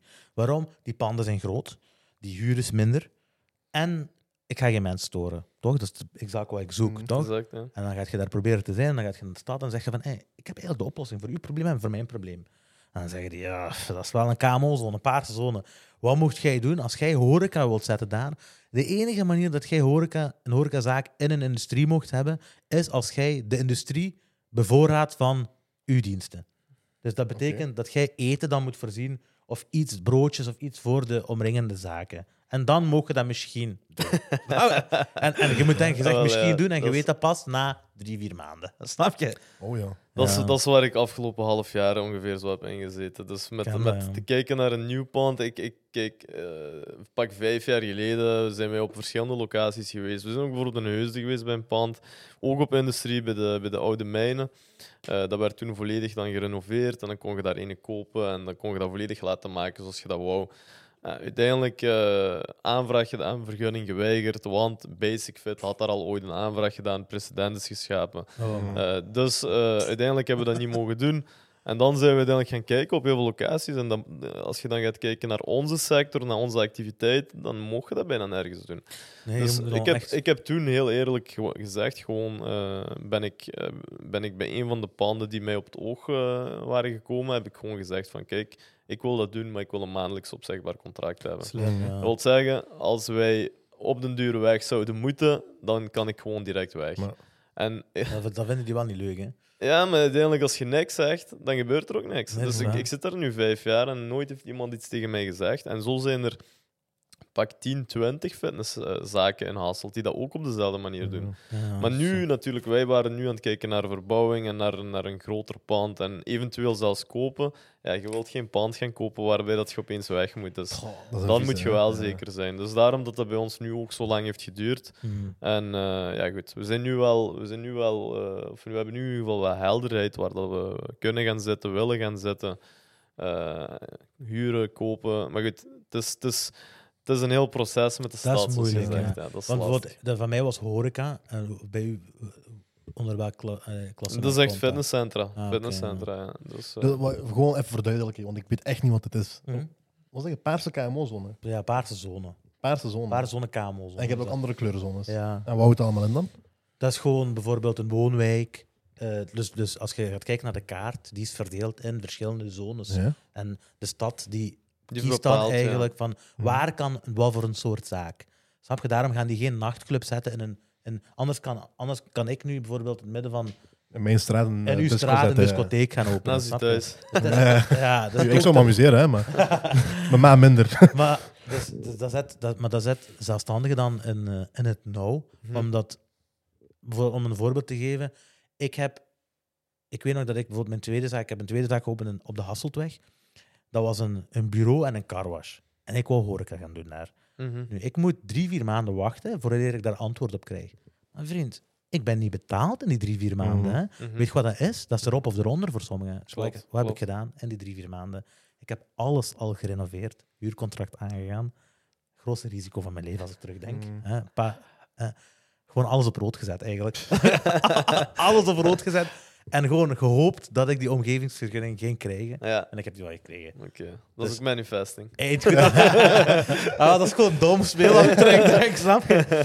Maar ja, goed. Ja, nee, ouder, maar ik snap je. En zo, zo ken ik nog mensen in mijn eigen omgeving die het eigenlijk hetzelfde hebben gedaan als u. En ja, ik zeg het, ik heb hetzelfde gedaan ergens ook. Hè, door te zeggen van Ja. ik ga heel dat pand gewoon renoveren en dergelijke. Ik ga er alles aan doen, want ik heb dat helemaal om moeten bouwen. Ja. En je uiteindelijk, met een maandelijks contract, dat wil zeggen, als die na drie maanden zouden komen, en dan, dan moest ik weg, maar ik heb ook geen heb je- andere locatie. Ik heb dus- gerenoveerd voor niks. Precies. Je hebt drie maanden huur betaald voor niks. Precies. En je moet een nieuwe pand gaan dat zoeken. bedoel ik. Model. Dus ja. Ergens als ondernemer moet je wel echt soms die risico's nemen, want anders gaat je er sowieso niet komen. maar bijvoorbeeld, daar denken mensen ook niet aan. Mensen denken, ik wil zelfstandig worden. Ja, ja. Ah, maar, maar je- je- die keuze die, die ik zeg, hè, dat is, eh, de, als, je als je een familie hebt, hè, dan maakt het verschil tussen van, heeft mijn baby pampers deze maand of niet? Mm. dat bedoel je? ik. Dat bedoel ik. Maar Dus, eh, mensen willen vooral zelfstandig worden voor die dikke auto op de Ja, zaak kunnen zetten enzovoort. enzovoort. je weet niet, bij die auto is, komt zoveel eh, stress bij. Hè, Het is, je- het is opofferingen maken en risico's te nemen. Eh, en ik denk als je, dat, als, je dat, als je dat zo gaat bekijken, dan zijn er mensen die dat ook leuk vinden. Hè. Ik denk dat je dat ook wel leuk vindt als je Dat er zo over Die kijkt erop, die. ja. Dat is, dat is ook een avontuur, hè. ik vind maar, dat dat is, leuk. Ja. maar dat is niet voor iedereen weggelegd. Dat is niet nee, je hebt, je hebt ondernemerschap in je of je hebt dat ook niet. Dat denk ik ook. Nu, ik raad veel mensen dat hebben wel aan. Hè. Ik raad veel mensen dat aan, want dat geeft... Oh, als je, ik heb het wel over oh, moeite met rekening te betalen. Oh, dat is moeilijk, dat is moeilijk. Maar bijvoorbeeld de vrijheid... Weet je, ik ben een gamer in het algemeen. Hè. Ik, ben geen, ik, ik ging niet gaan voetballen of ik weet niet wat. Ik zat, ik zat op, op de consoles. Ik ben een gamer. En ik zie dit eigenlijk ook als een soort van spel. Snap je? Onder, is, ondernemen is een spel. is Ik ben Monopoly ja. aan het spelen. Ja, dus met wat ik bezig ben, heb ik de juiste keuze gemaakt. Eh, ik moet dit doen, ik moet dat doen. Ja, Hetzelfde. Ik zou zeggen hetzelfde, ja. Eh, ik denk als je dat niet als een spel gaat zien, dat je dat veel te serieus gaat nemen. En dan die druk die er dan bij Hmm. komt, dat die, dat die gewoon niet aangenaam is. Dus ik, ik zou zeggen, 100% mee eens. Ik zie dat ook als een spel. En eh, dan, dan heb je nog mensen die spelen om te winnen. mhm. Maar je hebt ook mensen die spelen om gewoon niet te verliezen. En Om daar is, het ook, surviven. daar is het ook nog een heel verschil in, natuurlijk. Hè. Maar eh, als je speelt om te winnen, dan kan dat, dan kan dat, ja, dan kan dat ook heel veel opleveren uiteindelijk. Allee, want we hoeven ook- niet te doen alsof dat, alsof dat alleen maar hard werken is. Nee, en dit en 100%. dat. En High risk, high reward. Er is, er is een, er is een high reward. Ik heb geld gezien die ik, ja, ik, ik kon dat niet fathomen. Snap je? De, de 9-to-5 lifestyle die u, die, u da, die u wordt aangeleerd. Hè. Mijn ouders die bijvoorbeeld werken 9 to 5 heel hun leven lang. Dat, eh, dat ik denk van, mij, ik heb net fucking vijf jaar. Ik heb, ik heb u net ingehaald met vijf jaar, eigenlijk. Mm. Ik heb u Klopt, net ingehaald met vijf jaar. klopt. Ik heb vijf jaar op u. Snap je? Ja. Maar aan de andere kant natuurlijk, er komt veel bij kijken. Eh, zo bekijken. maar het is het. Het is. eh, Zit je in voor de ride? Ja, ja. Is het eigenlijk, Ah, snap je? Dat is ook. Maar ik zag, dat, ik zag dat net al nu dat het geen gamer was. Want die headset die zat zo. Ja, die zat snug, hè? Die zat extra Ja, smooth. snug. de laatste keer dat ik deze heb opgehad was tijdens de lockdown en COVID. Dat Nee, ik, nog eh, gisteren. Warzone. dat ik Warzone was aan het spelen. Dat waren de beste tijden van Warzone. Exact. Ja, joh. zou je niet... Zou, je zegt, gaat het over van dat je naar Heuze Zolder... Was, dat was aan het denken van dat je Heuse Heb je al. Turks geleerd? Dat is belangrijk, hè? Dat is waar. Dat Als je naar dat wilt gaan. Dat staat dat op die vergunning. Dat is waar. De voorwaarden. geweigerd. Nee, nee, dat was toen. Dat was toen. Dat is vijf jaar geleden ondertussen. Dus eh, toen, toen maakte me dat nog iets minder uit waar dat ik ongeveer zou, zou terechtkomen. Ik had zoiets van, waar dan ook, ik ga mijn ding doen. Eh, tegenwoordig kijk ik er wel anders naar. Ik had nu ook de, de kans, eh, omdat wij hebben een x-aantal mensen die bij ons trainen, die ook wel zo wat ja, influence hebben bij Genk dan. Hè? Ook Mhm. eh, politiekers en dergelijke, die bij ons trainen. Eh, dus toen ik Welke? zo wat weerstand... eh, Toon van Deurzen bijvoorbeeld. Toon is mijn neef. Mm. Mhm. Toen ik, toen, ik, toen ik zo wat weerstand ervaarde vanuit Stad Hasselt, eh, kon ik via hem bijvoorbeeld wel heel gemakkelijk in Genk. eh, Ik heb kon hetzelfde meegemaakt. Ik heb exact hetzelfde Ja, meegemaakt. ja, ik ben ja, ook ja. van, ik ben van Hasselt, naar, dus de Genkersteenweg, ben ik naar de Hasseltweg overgegaan. En wel, ik, oh, ik had niet zoveel beter, maar ik had het wel beter op sommige vlakken. Ja, In het begin in ieder geval wel. In het begin, Ja. ja. ik het denk, ik, denk dat ze in Genk gewoon flexibeler zijn daarin en gewoon meedenken met de ondernemer. En En dat is- Genk dat is- op dat vlak. Dat is, een belang, ja, dat is een belangrijke. Ja. naar, ik, ik, ik zie dat wel dat die nu in de toekomst, de komende jaren, dat die daar veel uit gaan halen. Dat is waar. Tuurlijk, die, die hebben achterstand en dergelijke ten opzichte van Hasselt.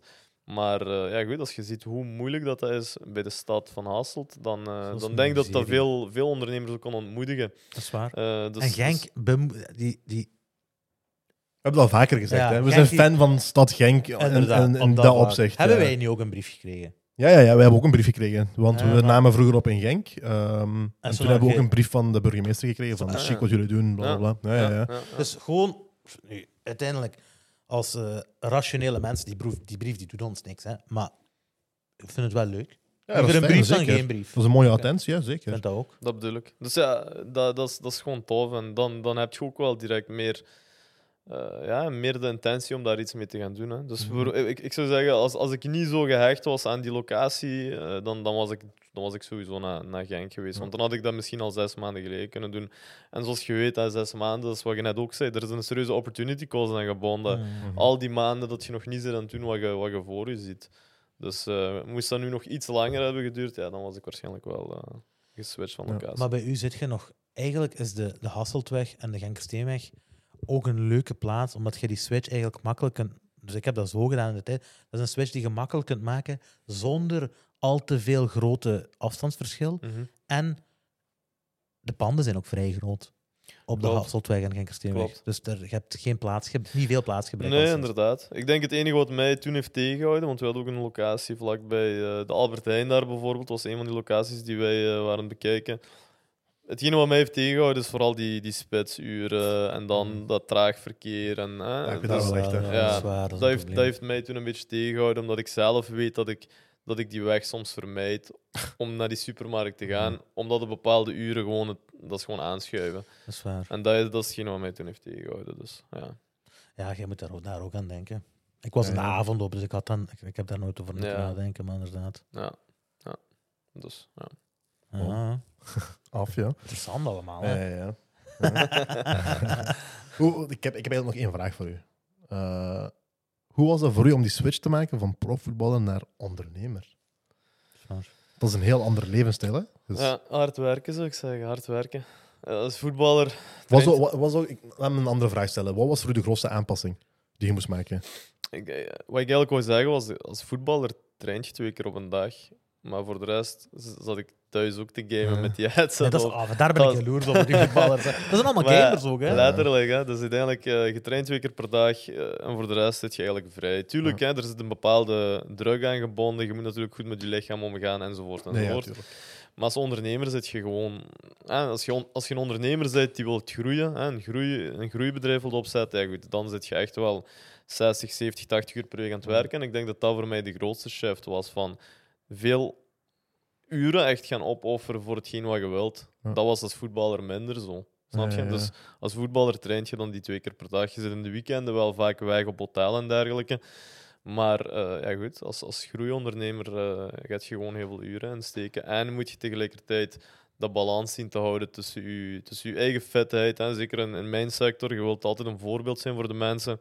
En tegelijkertijd wil je ook eh, op je thuisfront dat alles, eh, dat alles in orde is. Ja, ja. Alles En dat, je, blijven. en dat je wat tijd blijft geven ook aan, eh, aan je eigen gezin, zeg maar. Dus ja, Zoals een auto hè, met drie wielen gaat je nergens geraken. Je moet alle vier wielen hebben in orde. inderdaad. Klopt. Zou Dus, je- Zou je zeggen eh, dat. Zijn die prijzen democratisch? Omdat je zegt, ik- we geven vooral aan managers en ik weet niet wat. Eh, dat is voor de mensen misschien. Iemand die zegt van, weet je wat, ik zie eruit zoals jongens een groene trui. Eh, ik wil- het t-shirt ook hoor. Ja, de vraag is natuurlijk, wat bedoelt je met democratisch? Wat is dat precies? Eh, maar ik zou zeggen dat je altijd waar voor je geld krijgt, dat sowieso. Hmm. Ik zie, ik zie, ik zie hetgeen eh, wat, wat mensen bij ons doen, dat is, dat is in zichzelf investeren. Hè, mensen die bijvoorbeeld aan mij vragen van, ja, maar wat kost dat en dit en dat. Hmm. Ik zeg altijd van, hey, kijk, iedereen gaat dat wel zeggen, maar ik geloof daar ook oprecht in, dat als je bij ons een traject doet, ik verkoop ook, ik verkoop ook geen losse lessen, of hey, ik kom tien lessen bij mij doen, of wat dan ook. Nee, wij verkopen trajecten van zoveel maanden, Hmm. eh, naar gelang hoeveel resultaat dat jij wilt boeken. Zo. ik, wij verkopen gewoon het resultaat. Wilt je resultaat? Oké, dat is de tijdslijn die eraan gebonden is. Eh, dit is het investering, eh, investeringsbedrag dat je daarin kunt steken als je dat wilt. En dan maak je zelf de keuze. Hè? Dus dat is. Verdient je veel geld? Verdient je veel geld? Hij is zelf ondernemer, je weet het. Cijfers zijn belangrijk voor hem. Verdient je veel geld aan mensen die snel opzeggen? Ah, maar, maar dat is wel een goeie hoor. Ja. Als, als jij die vast, als jij, die, als jij iemand, nu het is iemand, al- het is altijd iemand zijn keuze om eh zich een vast beetje- te zetten aan een Dat is gelijk de basic fits. Hoe Ja. de basic fits geld maken. Exact. Maar ik denk dat de basic fit het meeste geld verdient aan mensen die eigenlijk niet, Niet komen trainen, maar ja. vastzitten aan een fucking jaar. Ja, kijk, dat is, dat is dus eigenlijk totaal niet ons model. Mhm. Ik zou zeggen, als je puur naar, een, naar één locatie van een Basic Fit gaat kijken, die hebben daar misschien 5000 leden. Besef hoe klein een Basic Zot, hè? soms Dat is. ja, en dat die daar 5000 leden hebben. Dat wil zeggen, als die allemaal tegelijk zouden komen, dat die dat niet kunnen halen. die- probleem. Je kunt nog niet eens naar binnen. Er staan wachtrijen drie straten verder. Allee, Snap je? Maar bij ons is dat een heel ander verhaal. Hè. Ik bedoel, natuurlijk, de, de, de prijs en de tarieven, de, de investeringen dat die mensen doen, is eh, vele malen hoger dan dat. Mhm. Dus die mensen, zodra als die een betaling doen, die committen zichzelf daar ook direct door. Dat is ook Eigenlijk, eigenlijk wat jij net zei. Hè. Of, of eh, ja, eh, en, en ook met het volgende concept wat wij willen doen, met die open gym daaraan toe te voegen. Wij gaan niet voor die 5000 leden. We gaan ook niet voor die 1000 leden. Wij gaan echt gewoon kijken naar, oké, dit is onze ruimte. Hoeveel mensen kunnen hier optimaal sporten? En wij gaan daar een ledencap op zetten. Mm, wil dat is wel zeggen, slim. We willen exclusief blijven en we willen dat mensen komen. Dat is een heel ander businessmodel dan inderdaad de meeste fitnesscentra, omdat die vooral kijken naar zoveel mogelijk mensen. Ja. En zoveel mogelijk mensen die gewoon een abonnement betalen en eigenlijk thuis zitten te sponsoren. Ik vind Ja. dat persoonlijk belangrijk. Ik wil als ik ergens ga, ik wil spaciousness, ik wil niet te veel eh Ja, proper, kwaliteit, goede tralala, toestellen. ja. Snap je nu? Je moet daar ook bereid zijn om dat te betalen natuurlijk. Hè, dan. Dus Mhm, je moet dat ook kunnen. Maar ik vind dat een, een goed idee. Mhm. En, en, ja, en, alles, en alles wat ik doe, heb ik wel echt het gevoel van ik moet daar echt in geloven. En ik, ja, ik, ik, ik, ik kijk altijd naar, zou ik zelf een klant zijn Mhm. van hetgeen wat ik, wat Ja, ik verkoop. gedachte. Als dat niet is, dan ga ik iets anders doen. Mhm. Makes sense. Dat is een mooie, ja. Ik vind dat ook een mooie. Najib, is er nog iets wat je wilt delen? Nog iets wat je kwijt Ik wil jullie vooral bedanken om mij uit te nodigen. Ik vond eh, super tof hè? om naar, eh, ja, ook om naar hier te komen. Zeker. Eh, jullie doen dat heel goed. En eh, ik, ik, ik denk dat jullie nu eh, op weekbasis heel veel mensen naar hier ook gaan krijgen. Dus, Dat is, dat is de bedoeling. Hè? Dat is waar. Ja, we moeten verder, verder roeien. Ja, ja. Onze excuses aan onze kijkers. We, zijn, we hebben stilgestaan. We maken geen excuses. Dat is waar, laat je naaien. Nee, dat is ook niet waar. Dat is ook niet waar. maar komt goed, komt goed. Inderdaad. Komt zeker goed. Voor zij die nog niet geabonneerd zijn. Waar zijt je nog eigenlijk? Je zit te laat. En nu mag ik dat niet zeggen. Echt waar. Abonneer alsjeblieft. Waar, waar waren wij eigenlijk? ik, ben, ik ben er recht kwijtgespeeld. Weet je, die cocky, arrogant motherfucker die op het einde van de dingen praat. Dan zijn we er Weet je wat, alsjeblieft, doe ons een gunst. We hebben u nodig. We hebben je nodig. We hebben u nodig. Alsjeblieft, like. We, hebben u nodig. we zijn hier sponsors aan vergaren, terwijl we nog niet eens afleveringen posten. Allee, joh. Eh, nee, mensen, als je nog zit aan kijken, als je nog zit aan luisteren, eh, eerst en vooral bedankt. Dank jullie wel eh, om, om naar ons te luisteren. En, eh, Appreciate it. we hopen in eerste instantie dat jullie dat interessant vinden. We zijn zeker van plan om het eh, volgende nog te brengen. eh, dat we verder kunnen, dat we nog heel veel leuke, interessante conversaties. Ja, luister, ik krijg vragen van mensen. Zijn jullie gestopt? We stoppen niet, hè? Ik heb die ook gekregen. We stoppen niet. Dat bestaat niet. Vriend, we doen deze tot we 40 zijn. Het, het perspectief is forever. Dat is waar. Knop in uw oren. Dus eh, als je geen WT4 meer kijkt, of hoe je het dan tussen, snap je? Play 4, 5, 6, allemaal 7, veranderd. 8, echt waar. Eh, dit, is, dit is uw bron van, van eh, stabiele media. Wij geven goede informatie. Alles is fact-checked. Eh, Niet door ons, maar door iemand waarschijnlijk. iemand zal dat wel gedaan hebben Dat is ergens. die internet. En het is van welke kant je het kijkt. Dat, Dat is juist zal zijn. Mensen, thanks. Tot de volgende.